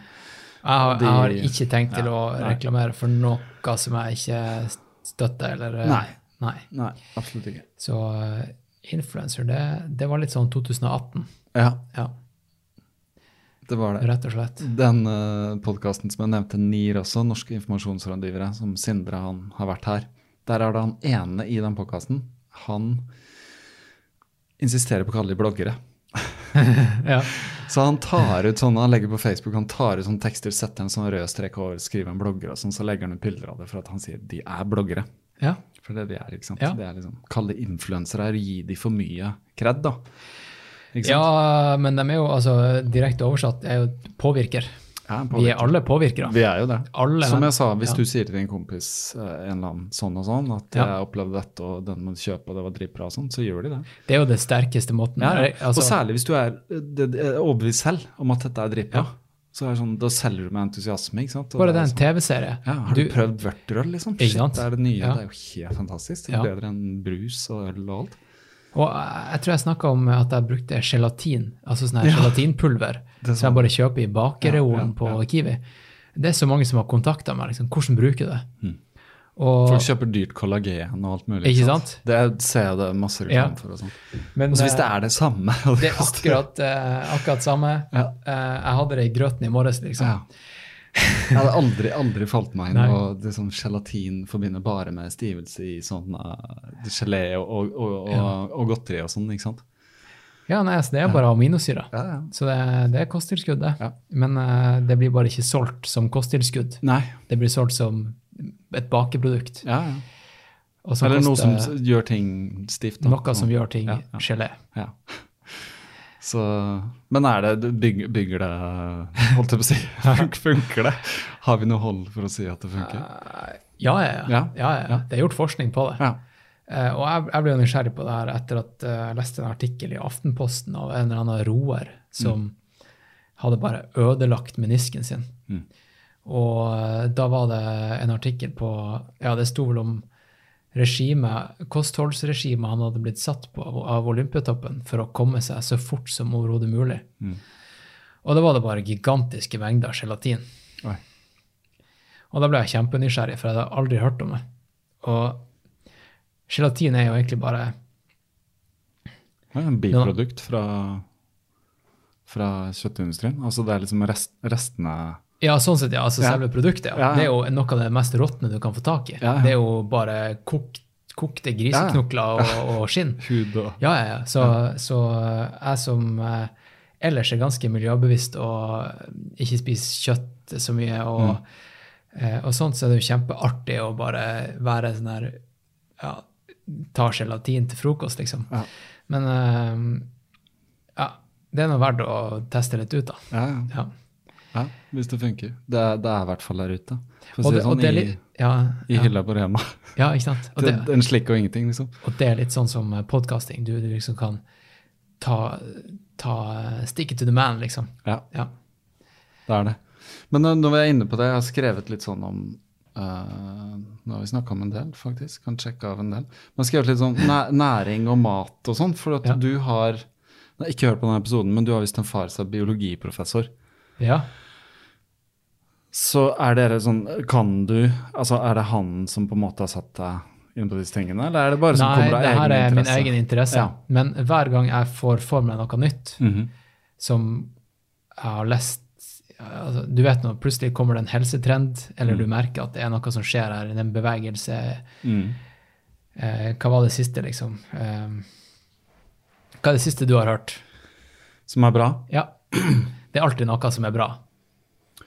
Uh, altså, det jeg er mest opptatt av for tiden, Ja. fordi at jeg nettopp har lest en hel bok om det, det er faktisk magnesium. All right. Ja. Ja. Og det jeg tenkte, det, det kunne jeg nevnt for deg, for jeg leste, og det var helt tilfeldig da, at jeg kom over Altså, jeg hadde vært på sporet av det og skjønt at det er viktig og sånn. Ja. Eh, faktisk fordi at jeg tok en blodprøve hos legen for noen år siden, og så var det lavt på magnesium. Så var det sånn, du burde ta, for da jeg begynt å løpe og sånn. Ok. Ja, det burde du ta. Og så var jeg sånn, ok, liksom, må jeg ta det? Og så husker jeg ikke hva jeg gjorde. Kanskje jeg kjøpte noe på Rema, et eller annet tilskudd, og sånn, men jeg tenkte ikke noe mer over det. Men av en eller annen grunn så, så leser jeg jo litt sånn her og der, så du jeg inn på ja, viktig mineral. Men du hører aldri om det. Du hører mye om kalsium og sånn. Ikke sant? Veldig mye om kalsium, selvfølgelig. Og så var det så satte jeg, og så hadde jeg en sånn deal gjennom Kindle, for jeg har sånn Kindle-bok, og så plutselig sånn Ja, nå får du gratis Eller nå er det noen bøker som ligger ute gratis. Ja. Følg denne linken. Og så var det bare sånn Hva er dette for noe? Det var ikke noe interessant. Og så var det noe som var litt sånn, og så var det en som het The Magnesium Miracle. Så var jeg sånn, ah, ok, uh, verdens ledende legeforsker, liksom, et eller annet. Ok, jeg bare henter ned den. Så begynte jeg å lese, så var det sånn, wow, dette er jo informasjon som er helt utrolig. For at hun går så utrolig inn på dette da, med magnesium, at vi er så magnesiumfattige. altså, vi har ikke nok av det. Nei, Så at vi får ikke nok av den kosten lenger. Nei og, vi, og, og vi kan ikke ta noe av det heller. Nei, Altså, sånn, hvis nei. du tar for mye, Mm. det er nesten ikke noe som heter for mye. For det er ikke skadelig hvis Nei, du får får for Kroppen mye. bare skiller ut. pisser det ut, liksom. Ja, ja. Ja. Men det hun skrev, er at det hun hadde hatt problem med, når vi først er inne på det, var at uh, hun altså For at visstnok så er det sånn at tar du for mye magnesium, så får du uh, løs mage. Det er måten kroppen skiller seg ut Ja, med ok. det på da, hvis Ja. du tar for store doser. Ja. Og hun kunne ikke ta engang bitte små doser, og så fikk hun løs mage. Okay. Og hun trengte det, da, så hun var, gikk inn for å finne ut da, hvordan kan eh, liksom, ta magnesium. Ja. Så hun forska i ti år. da. Hun tok det topografisk, da? Jeg Og smurte det på huden? Det, det er én ting. Ja. Eh, og det var det jeg fant ut også, for jeg var nede på Life eller en av de. Ja. Så spurte jeg til magnesium også, og da var de sånn eh, spray på huden. Ja. Og det har gjort, og det svir litt, og hvis det svir, så er det liksom visstnok bra, da. Uh, for da trengte kroppen det. Og så merka jeg at det ga seg litt, så jeg tenkte det er bra, men det har vært litt sånn på og av og sånn. Men hun skrev at den beste måten å ta det på er gjennom en sånn ionisk magnesiumpikometer, kaller hun det. Hvor de magnesiumionene er så små at Ja. de går inn i cellene før de når helt ned i, uh, det, i tarmsystemet. da. Ja. Ergo tas det bedre opp i kroppen. Mm. Og det er rett og slett bare flytende, så du tar en teskje i en liter vann liksom, og blander ut. Okay. Uh, så det er det jeg er mest opptatt av for tiden. Jeg har tenkt å snakke om det på podkasten fordi det er så viktig, da. Og en av grunnene til at det er superviktig, bare nevne det siden jeg har lært det nå, Ja. er at magnesium balanserer mengden kalsium som uh, kommer inn og gjør nytte i uh, beinbygningen. Ikke For hvis ikke du har nok magnesium Magnesium regulerer uh, mengden kalsium. Det er liksom sjefsmineralet. Hvis ikke du har nok, så vil kalsiumen gå i blodbanen og være ute der. Ja. Ergo åreforkalkning, Ja. som folk sliter med. ikke sant? ja. Så ja, D-vitamin også D-vitamin er også. også med i spillet her. Hun skrev det, Ja. at høyere mengde D-vitamin krever også høyere mengde magnesium. Ja. visstnok. Ja. Så alt henger jo sammen. Alt det er ikke bare én ting. Men jeg skjønte det sånn på henne at uh, magnesium-kalsium, den ratioen, burde aldri være sånn at du har mer enn dobbelt så mye kalsium som magnesium inni kosten. Mm. Så det, jeg tror på det, for at de hun refererer til i sin forskning, er de mest ledende. Jeg, jeg kan legge Ja, link til den boka. Hvis du trenger så- litt billig kalsium, jeg kan huke det opp. Ja. Nei, jeg tror kalsium er ikke et problem. Altså, det, det får jeg nok av. Okay. Så vidt jeg vet. Jeg har ikke testa for det, sånn, men, eh, men det Men jo, jo, faren min. Ja, okay. Hver gang jeg kommer med en sånn helsetrend, helsetrend, -hmm. eh, og før jeg gjør et Jeg gjør ofte et dypdykk først, mm. og så ringer jeg faren min. Mm. Og så har vi kanskje en times prat om det her, da. Eh, og så sender han artikler, han gjør research og ser om det er noe i det, noe hold i det. Så kan han gi meg tommel opp eller ned om jeg burde liksom fortsette med det. da. Mm. Så eh, det er bare dritfett. Det er Det er ikke det at han er sånn superinteressert i kost og ernæring, men han er i hvert fall Han er forsker, flink. ikke sant? Så Han har et sånn- kritisk øye. Ja, for at Ja. du, du hører jo stadig et eller annet sånn paleo-greier, ikke sant? Ja. Altså drikk eh, fett, liksom. Ja, ikke sant? For det er så bra M- sånn, men uh, Ja, MCT-olje, liksom. Ja, ja. Det var jo kjempeinn for et par år siden. Da ringte jeg faren min og Mm. sa liksom, er det, burde jeg sjekke ut det her, for det var jo mange som snakka om at MCT var dritbra energikilde for liksom eh, For det bypasser veldig mye det går rett i levra, Mhm. og en kjapp eh, energikilde som varer lenge. Mm. Sikkert bra for ultraløping, tenkte jeg. Mm. Eh, og det viser at liksom, hvis du tar mye av det, så får du dritasjokk. Altså sånn her. Da klarer du ikke å stoppe det, da bare renner det ut av det. Eh, og så er det ikke sunt heller. mm, mm. Er det, jeg vet ikke det, helt det er jo det folk, er- folk har i liksom kaffen med smør. Ja. Eh, såkalt eh, brain octane fuel, som Mm. han derre eh, Hva heter han derre Bulletproof-kisen? Dave Asprey, som viser seg å være bare sånn her bullshitter. Kanskje. Eh, Men han er flink merkevarebygger. Mm. Men det, det er ingen hold i det han styrer med. Eh, og det fant jeg fort ut av. Mm. Eh, takket være pappa. Men de fleste er jo ikke så, har jo ikke noen sånn kritiske kilder. Og det er liksom problemet i dag også. Googler du et eller annet, så får du liksom Det er så, mange, det er så mye informasjon, og det kan være helt motstridende informasjon og sånn. Så alle sånne tema krever at du går litt dypere inn i det. og... Problemet også er jo det at vi som idretts, idrettsutøvere, vi kan ikke kaste oss på de helsetrendene. Fordi helsetrender baserer seg ofte på hva er det som kan gjøre deg slank. Mm. Vi skal ikke bli så jævla slank. Vi blir slank av å trene mye. Mm. Men må heller passe på andre veien. vi må passe nok, på andre eh, veien. Altså, vi, ja. Blir vi for slank, så får vi tretthetsbrudd, Mm. og vi klarer ikke å prestere noen andre steder i livet enn på trening. Mm. Og det er farlig rett og slett å være i en eh, sånn her type sfære der, der eh, alt handler Alle nyhetsoverskrifter handler om slik ble jeg kvitt, kvitt magefettet etter jula, ikke sant? Eller eh, Ofte whatever, på rekordtid. sånn. ofte på rekordtid. Vi skal ha Ja, ja. quick fixer hele tida. Og hvis du da er idrettsutøver, så er det bare livsfarlig å, å, å hoppe på de trendene her, da. Mm. Spis normalt, liksom. Og Og all, alle Ja. ting tar tid, da. Sånn som tilbake til magne magnesium hun skrev sant, videre. da, at hun, ikke sant, Det er ikke sånn at du bare kan ta deg magnesium, og så er ting greit etter en uke. Det tar Nei. utrolig lang tid før kroppen altså, alt tar tid, da. Føles som kroppen bygger opp disse systemene, alle disse enzymsystemene som er avhengig av magnesium f.eks. Men alt mulig annet. sant? Ja. Så det er liksom finne balansen, og så holde på med det altså, lenge. altså. Ja.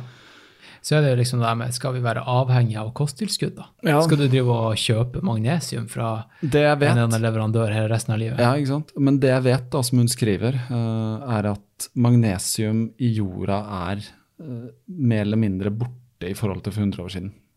Ja, fordi vi spiser så clean og Eh, Altså- nei, ikke, ikke, ikke egentlig. Hovedgrunnen faktisk er eh, for det første at du dyrker om igjen og om igjen, så det rekker ikke å regenerere. Men faktisk sprøyting, sprøytemidler, Ja. gjør at det binder magnesium. Det er én ting. Altså den giften binder magnesiumen, sånn at den ikke kan tas opp i plantene. Ja. En annen ting er også at uh, kroppene våre er rett og slett litt Altså vi er utsatt for mer kjemikalier og eh, forurensning og sånne ting i dag som krever mer av disse mineralene. da Ok. for å bøffere. Uh, pluss at uh, fluor som fins i Dette visste jeg ikke heller. I mange medisiner så har de fluor fordi det funker som en eller annen sånn transportør av Ja. virkemidler. Ja. Fluor binder også magnesium. Så det er liksom Det er veldig hold i Så akkurat Så magnesiumet blir stjålet fra oss er overalt, fra alle kanter. Det er blitt stjålet fra oss, men selvfølgelig særlig i USA, Ja, hvor ja, de har virkelig fucka opp. sant? Her Ja. i Norge så er vi jo fortsatt sånn ganske Men i USA så viser det seg at kanskje rundt 70% av befolkninga eh, har underskudd på magnesium. Mm. Og det fører til mange sykdommer. Hjerte- og karsykdom med masse sånne Jeg kan, jeg kan linke til den boka, Ja, ja, gjør så kan de som Jeg har lest hele, jeg, og jeg har ikke noe grunn Ja. til å tro at det er eh, Men det er litt sånn, det er litt sånn alarm også, sånn som jeg ser det. Så Ja, men da er jeg cover det. Jeg tar Ja. magnesium hver morgen og kveld. Ja. Jeg tar det også bare i, i vannet som jeg drikker, eh, faktisk. Ja. Så jeg merker, det jeg merker sånn umiddelbart, er at jeg har mindre sånn leggkramper og sånn enn jeg hadde før. For jeg fikk gjerne sånn Plutselig bare de leggkrampene. På natta eller mens du springer. Ikke mens jeg springer, men kunne være på kvelden også. Eh, jeg bare plutselig måtte bare reiste meg opp i en fart. Og liksom, skjønner? For jeg bare kjente det dro til. Og Ja. Min kone var sånn Hva er det som skjer? Uh, krampe, det, tendenser, liksom. Ja. Det er helt borte nå. Så heldigvis. Men jeg hadde hatt det på natta før, men da var jeg ganske ung. Det var sånn, Jeg husker i, i slutten av tenåra, kanskje. Så Ja, okay. våk, våkna med kramper og sånn. Ja, jeg kan få litt det sånn nå, eh, under store treningsperioder. Ja, ja. eller Sånn små Men det er det også for vi som trener så mye, også trenger magnesium. Ja, men det er jo en buffer eh, sånn Ja. jeg kan ikke huske sist jeg hadde krampe i race. Det er mer sånn i, ja, i hverdagen. Ja. Men det er bra. Men sånn ernæringsmessig også, så regner jeg med at du, er, du virker over middels interessert i, i Jeg er hva dritinteressert i ernæring. ja. Eh, Men er det fra et sånt optimaliserings... Ja, det, eh, det gikk jo liksom fra både mat Altså, jeg lager masse mat. Jeg gjør dypdykk i mat, liksom. Mm. Eh, Hørte du snakke om na natto? sånn? Natto, ja. ja. Japan. Ja. Der fikk jeg jo virkelig altså eh, Nå begynner ting å falle på plass. Nå har jeg reist rundt, litt rundt omkring i verden. Jeg har sett hva eliten spiser. Mm. Jeg har bodd med Mo Farah i tre uker. Sett hva han spiser på treningssamling. Mhm. Jeg har bodd med japanerne, de beste løperne der. Ser hva de spiser. Eh, jeg ser hva mine venner her i Oslo spiser. Mm, ja. Eh, natto, det er jo et eh, produkt, et japansk produkt, som er fermenterte soyabønner. Og det er nesten litt sånn som eh, Altså, det inneholder ekstreme mengder av K-vitamin. ja. Og det er veldig få matvarer som har K-vitamin. I hvert fall store mengder. Eh, hva det er Gammelost Mm. har også det, Mm. i norsk kost. Så Og det er også en fermentert Ja, den er, den er jo sånn. Ja, den er det. Mm. Det er ikke så mange som liker smaken. Jeg digger den. Jeg spiser det hver dag, nesten. -hmm. Men nå når jeg var i Japan, så bodde jeg jo et par dager med han her eh, Hiroaki, som er race directoren for Mount Ava Sky Race. Og han er også ultraløper. Han Mm. har sprunget UTMB syv ganger, liksom, og han er fulltidsatlet sponsa av Northface. Mm. Og det var bare interessant å bo hjemme hos han og se hva, hva han spiste. Og der lager han sin egen natto fra scratch. Mm. Han kjøper ikke det her på isoporboks som Nei, du får nei. i butikken. Uh, og natto, uh, du kan lage det på flere måter. Du kan gjøre det litt sånn som uh, Det er litt sånn som surdeig, da. Ja. Du kan ha en starter, eller så kan du starte fra scratch og lage din egen starter. Hvis du skal lage din egen starter, så gjør du det rett og slett med risstrå. Risstråene inneholder en kultur eh, som er veldig eh, gunstig. Da. Så det du gjør, da, du, du, soak, du, du soaker eh, soyabønner over natta. Så koker du dem. Helst i trykkoker, kanskje, for da går det fortere. Men eh, du kan bare koke dem. Eh, og så legger du dem mens de fortsatt er varme, i en container som er 40 grader eh, over natta, med de her risstråene. Der risstråene bare ligger rundt i en eh, På en måte innkapsulere. Risstrå er rett og slett der hvor riskorna sitter på, altså Ja. en del av Ja. planta. Se for deg bare sånn et vanlig strå. Så du bare crumble opp de her stråene her, legger det opp i en container og dytte ned de her, natt, ned de her eh, soyabønnene. Lar det stå over natta, og så våkner du opp på morgenen, og så er de her soyabønnene de de er bare blitt sånn slimete og jævlig. ikke sant? Og de slimene er sånn tynne strå som bare kan dras ut i liksom kanskje en meter. Skikkelig nasty. Men eh, for dem som liker snåle smaker og lukter, så er det her noe for deg. Har du prøvd å lage det selv, eller? Jeg skal gjøre det. Ja. Eh, jeg skal Jeg tenkte jeg skulle gjøre det i morgen. Starte Ja, det høres jævlig interessant ut. Du sier fermenterte soyabønner. Jeg har Ja. smakt tempa, som er sånn indonesisk Ja, eh, ja. Det er litt, litt i samme gate. Ja. Ja. Det men da tilsetter du en kultur. ja. Da kjøper du bare et pulver. Som er Jeg, jeg liksom- snakka med en som lagde sin egen, forresten. Ja, ok. Han uh, lagde det i skapet, eller en sånn varmeskap eller noe sånt. Ja. Men jeg kjøper de der, de kommer fra Nederland. Men det er kjempegodt, da. Det er dritgodt. Ikke i seg selv, men når du altså må steke det i en god del olje, faktisk. Ja. For de suger ganske Ja. mye, og så bare krydder du tilsetter. Ja. Og eh, soyasaus og sånn. Så det er sånn favoritt hjemme hos oss. Ja, og Hver- du hver kan, tirsdag du, vi kan, du kan lage natto av alle typer bønner. Ja, okay. Du kan lage natto av uh, kikerter. Ja.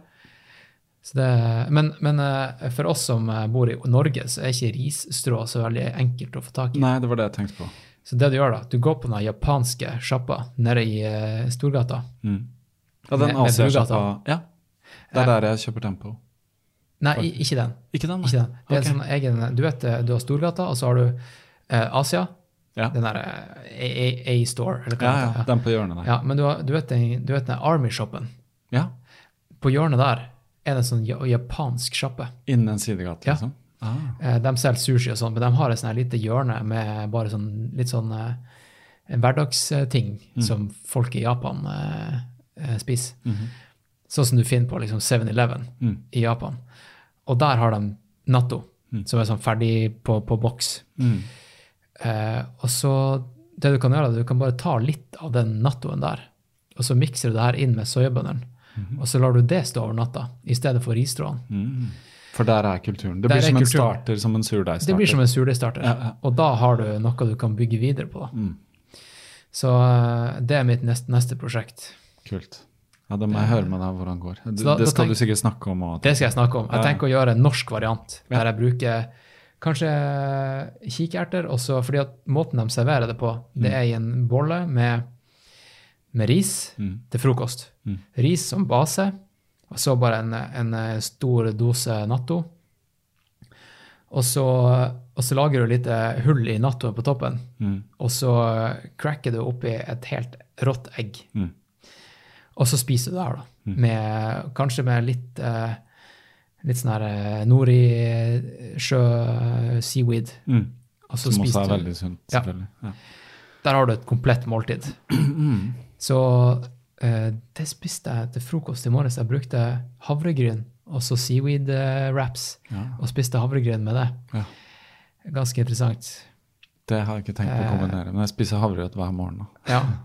Men, eh, men jeg tenker å lage en norsk variant der jeg bytter ut risen med havre. Mm.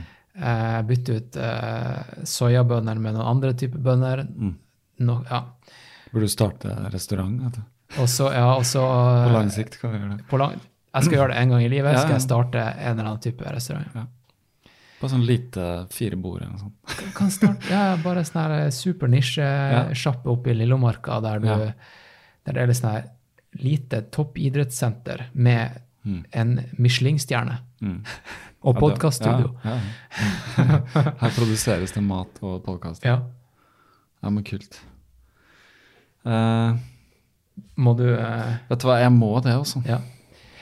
Det er greit, det. Uh, eller jeg, jeg må jo ikke, men jeg sa at jeg kom hjem sånn Ja, vi er, ja det er innafor. Men vi har, uh, vi har dekka over ganske mye bra i dag.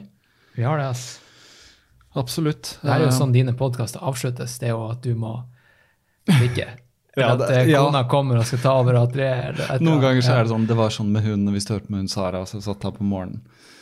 Og da hadde Da skulle Tala Og hun, Tala er sånn Hun har tight eh, Det er min kone, da. Hun har ganske tight eh, schedules. Ja. Så det er sånn Jeg hadde booka en, en podkast her, altså Ja. et intervju med hun Sara, da, som kom fra Hamar med tog og greier.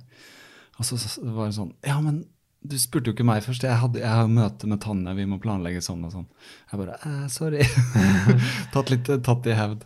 Nei da, men det, er, det får gjerne en naturlig avslutning, uh, selv om, herregud, hvis vi hadde Det er nice, da. Ja, jeg, også tenke, jeg kunne også godt tenke meg å ha liksom en grunn til å avslutte Ja. recordingene mine et par ganger. Ja.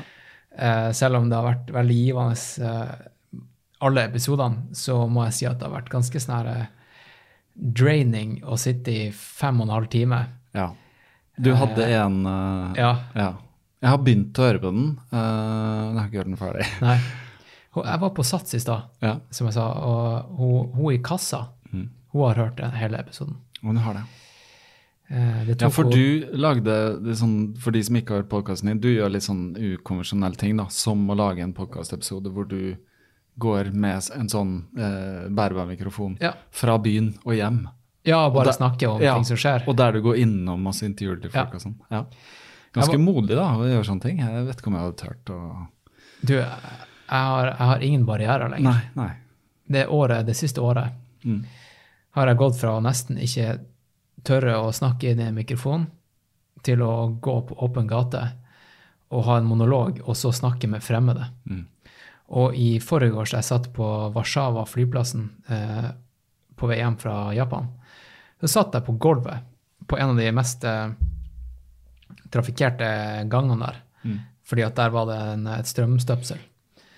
Jeg satt jeg på gulvet og eh, lada Mac-en og snakka inn i mikrofonen Mm. eh, til eh, podkasten.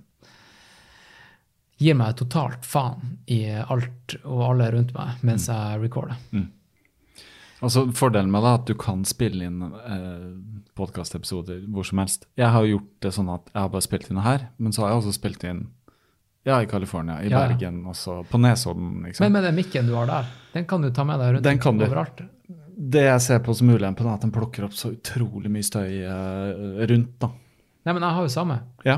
Ja, Men ikke sant, hvis du går rundt og, og, og trikken kommer, eller et eller annet sånt, så, så Det er bare sjarmerende. Ja, men Ja. jeg, jeg syns det er støyende. Og. Jeg er litt sånn. Jeg hørte på en podkast, faktisk, jeg skal ikke henge ut noe, men uh, løpetid, og så løp de og snakka. Ja. Og da Det var greit, det var greit, for det gjorde du også. Det var sånn, wow, det funker. Men det kom biler hele tiden.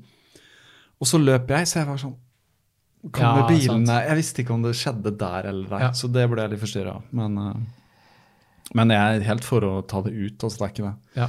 Men jeg liker, jeg liker at lyden er sånn, jeg liker at man er sånn close stalkers. ja, men da kan man også si til lytteren, da, i, hvis du spiller en intro i etterkant, kan du si sånn her Vet du hva?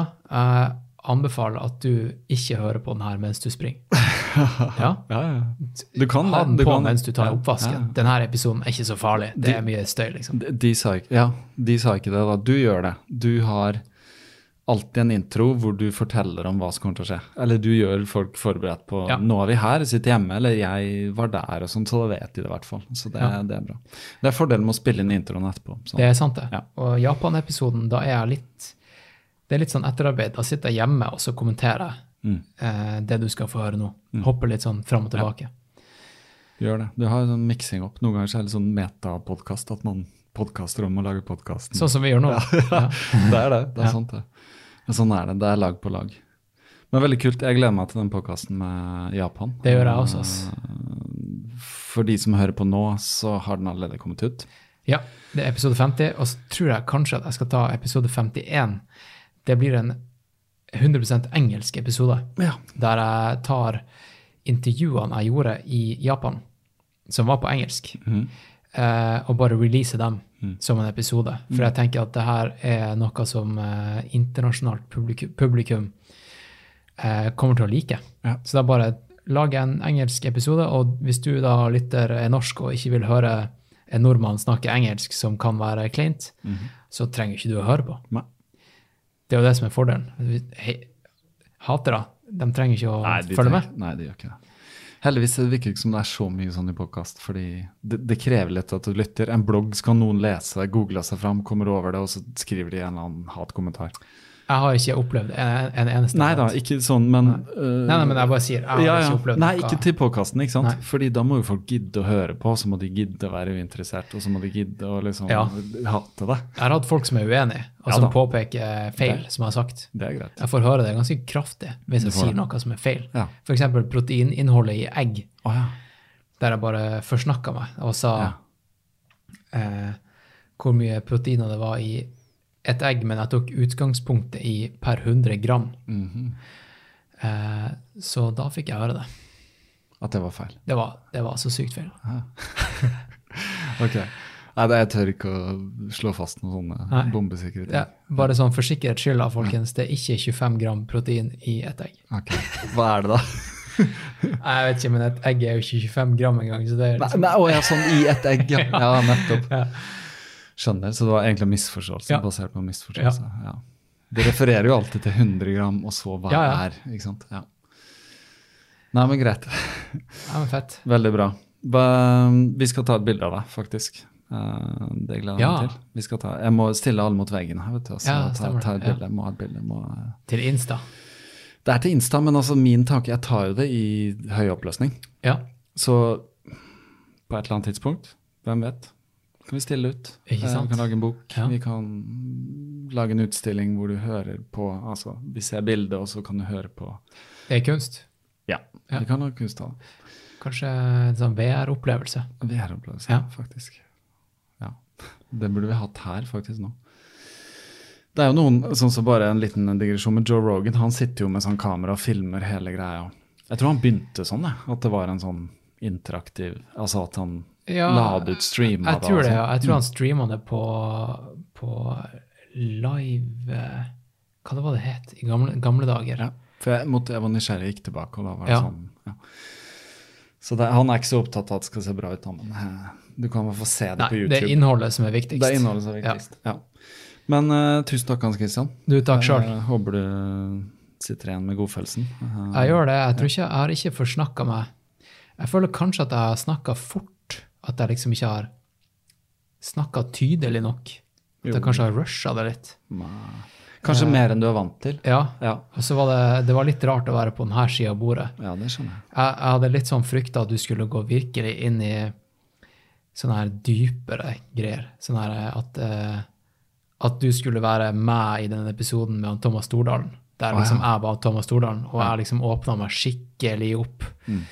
Eh, og at jeg sa mer enn jeg hadde lyst til å si. Mm. Men eh, jeg er ganske komfortabel med alt jeg har sagt nå. Det tror jeg du kan Ja. være. Hvis vi trenger å gå dypere, så kan vi spare et siden. Det kan vi godt. Og så, ja. hvis dere vil høre timevis med mer sånn her type snakk, så vet dere hvor dere finner ja. Vi, skal, vi skal linke til det òg. Ja. Kult. Fett. Eh, lykke til i race, da. Ja, tusen takk på lørdag. Ja. Jeg gleder meg til å endelig kjøre på. Perse. Jeg håper det. Ja. Jeg må det. Det er jo masse høydemeter, men uh, ja. Jeg vet ikke uh, egentlig uh, hvordan det går, men jeg vet bare at jeg skal prøve. Så ja. ja, men det går bra. ja, jeg tror det. Det. Det blir moro i hvert fall.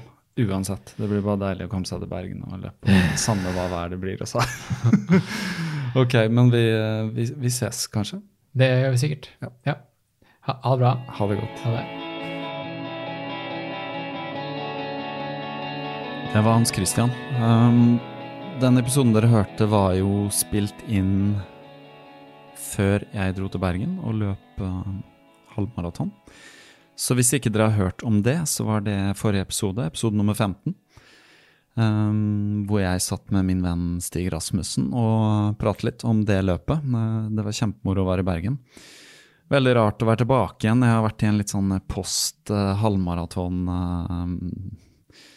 ja, modus. Jeg vil ikke si blues eller noen ting, men uh, vært litt uh, slack denne uka her. Jeg har løpt, men det har ikke vært, uh, ikke vært noe sånn superfokus på noe som helst. Men det har vært greit. Man kan ta en uke og bare komme seg litt på.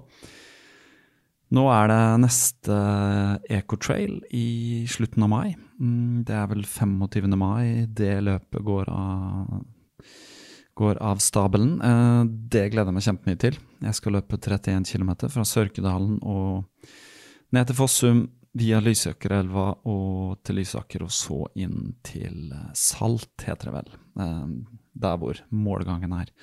Det har jeg gjort uh, flere ganger før. Jeg har løpt faktisk alle um, Ecotrail som har vært arrangert, så dette blir femte året på rad.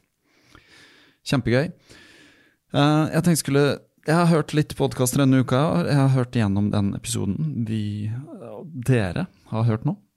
Uh, det tok jo litt tid, selvfølgelig, for den er lang. Men jeg syns ikke den føltes særlig lang. den hadde akkurat passe, passe laga om tempo og innhold, syns jeg. Men jeg hørte på en annen episode. Um, vi nevnte jo Ritual Podcast, og sett bort fra at han snakker reklame på begynnelsen, så har han ofte veldig interessante samtaler med mennesker. Så jeg hørte en episode som heter The Paradox of Passion, med to som har skrevet en bok om uh, hva passion er, rett og slett. Den fikk jeg masse igjen for. Um, det var skikkelig gøy, så jeg skal linke til den i uh, notatene til podkasten, som dere finner um, der hvor dere hører podkast. Um, ellers så nevnte jeg magnesium og den boka jeg har lest om magnesium, som heter The Magnesium Miracle. litt sånn rar tittel, men uh, greit nok. Uh, amerikanere har det med å lage litt sånn svulstige titler, men den er utrolig nyttig, så jeg vil bare understreke en gang til at det kan ha noe for seg å lese den der.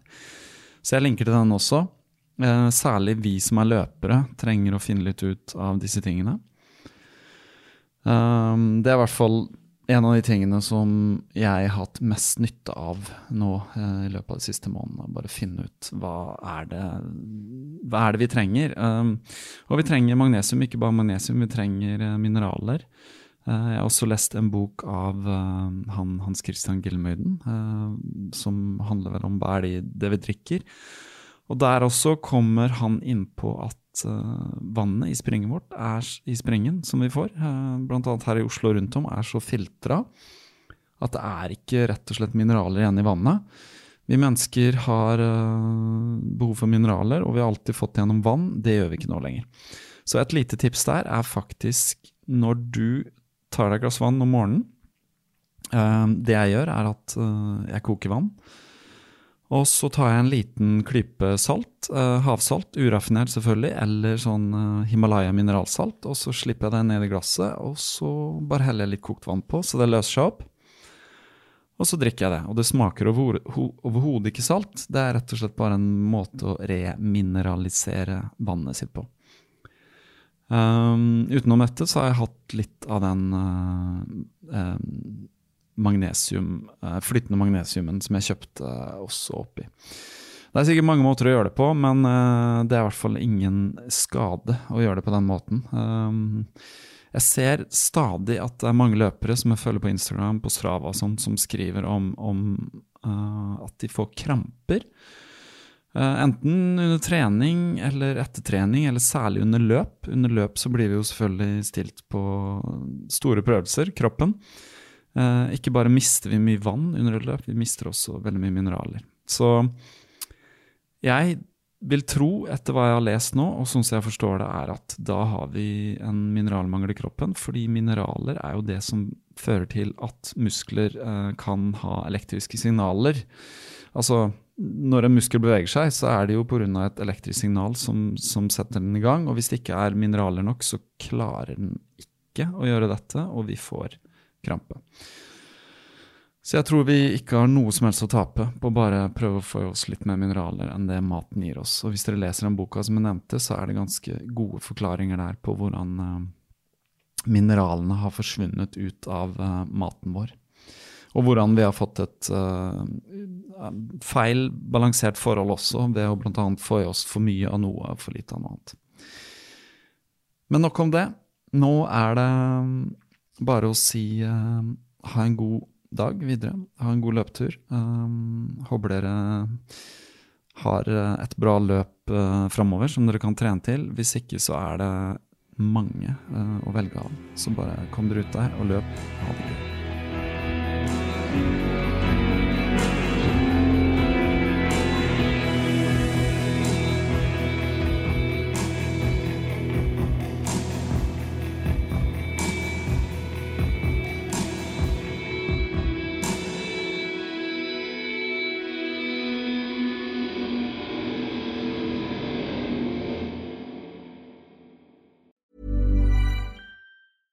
Ever catch yourself eating the same flavorless dinner three days in a row? Dreaming of something better? Well, HelloFresh is your guilt-free dream come true, baby. It's me, Kiki Palmer. Let's wake up those taste buds with hot, juicy pecan-crusted chicken or garlic butter shrimp scampi. Mm. Hello Fresh. Stop dreaming of all the delicious possibilities and dig in at HelloFresh.com. Let's get this dinner party started. Planning for your next trip? Elevate your travel style with Quince. Quince has all the jet setting essentials you'll want for your next getaway, like European linen, premium luggage options, buttery soft Italian leather bags, and so much more. And is all priced at 50 to 80% less than similar brands. Plus, Quince only works with factories that use safe and ethical manufacturing practices. Pack your bags with high-quality essentials you'll be wearing for vacations to come with Quince. Go to quince.com slash pack for free shipping and 365-day returns.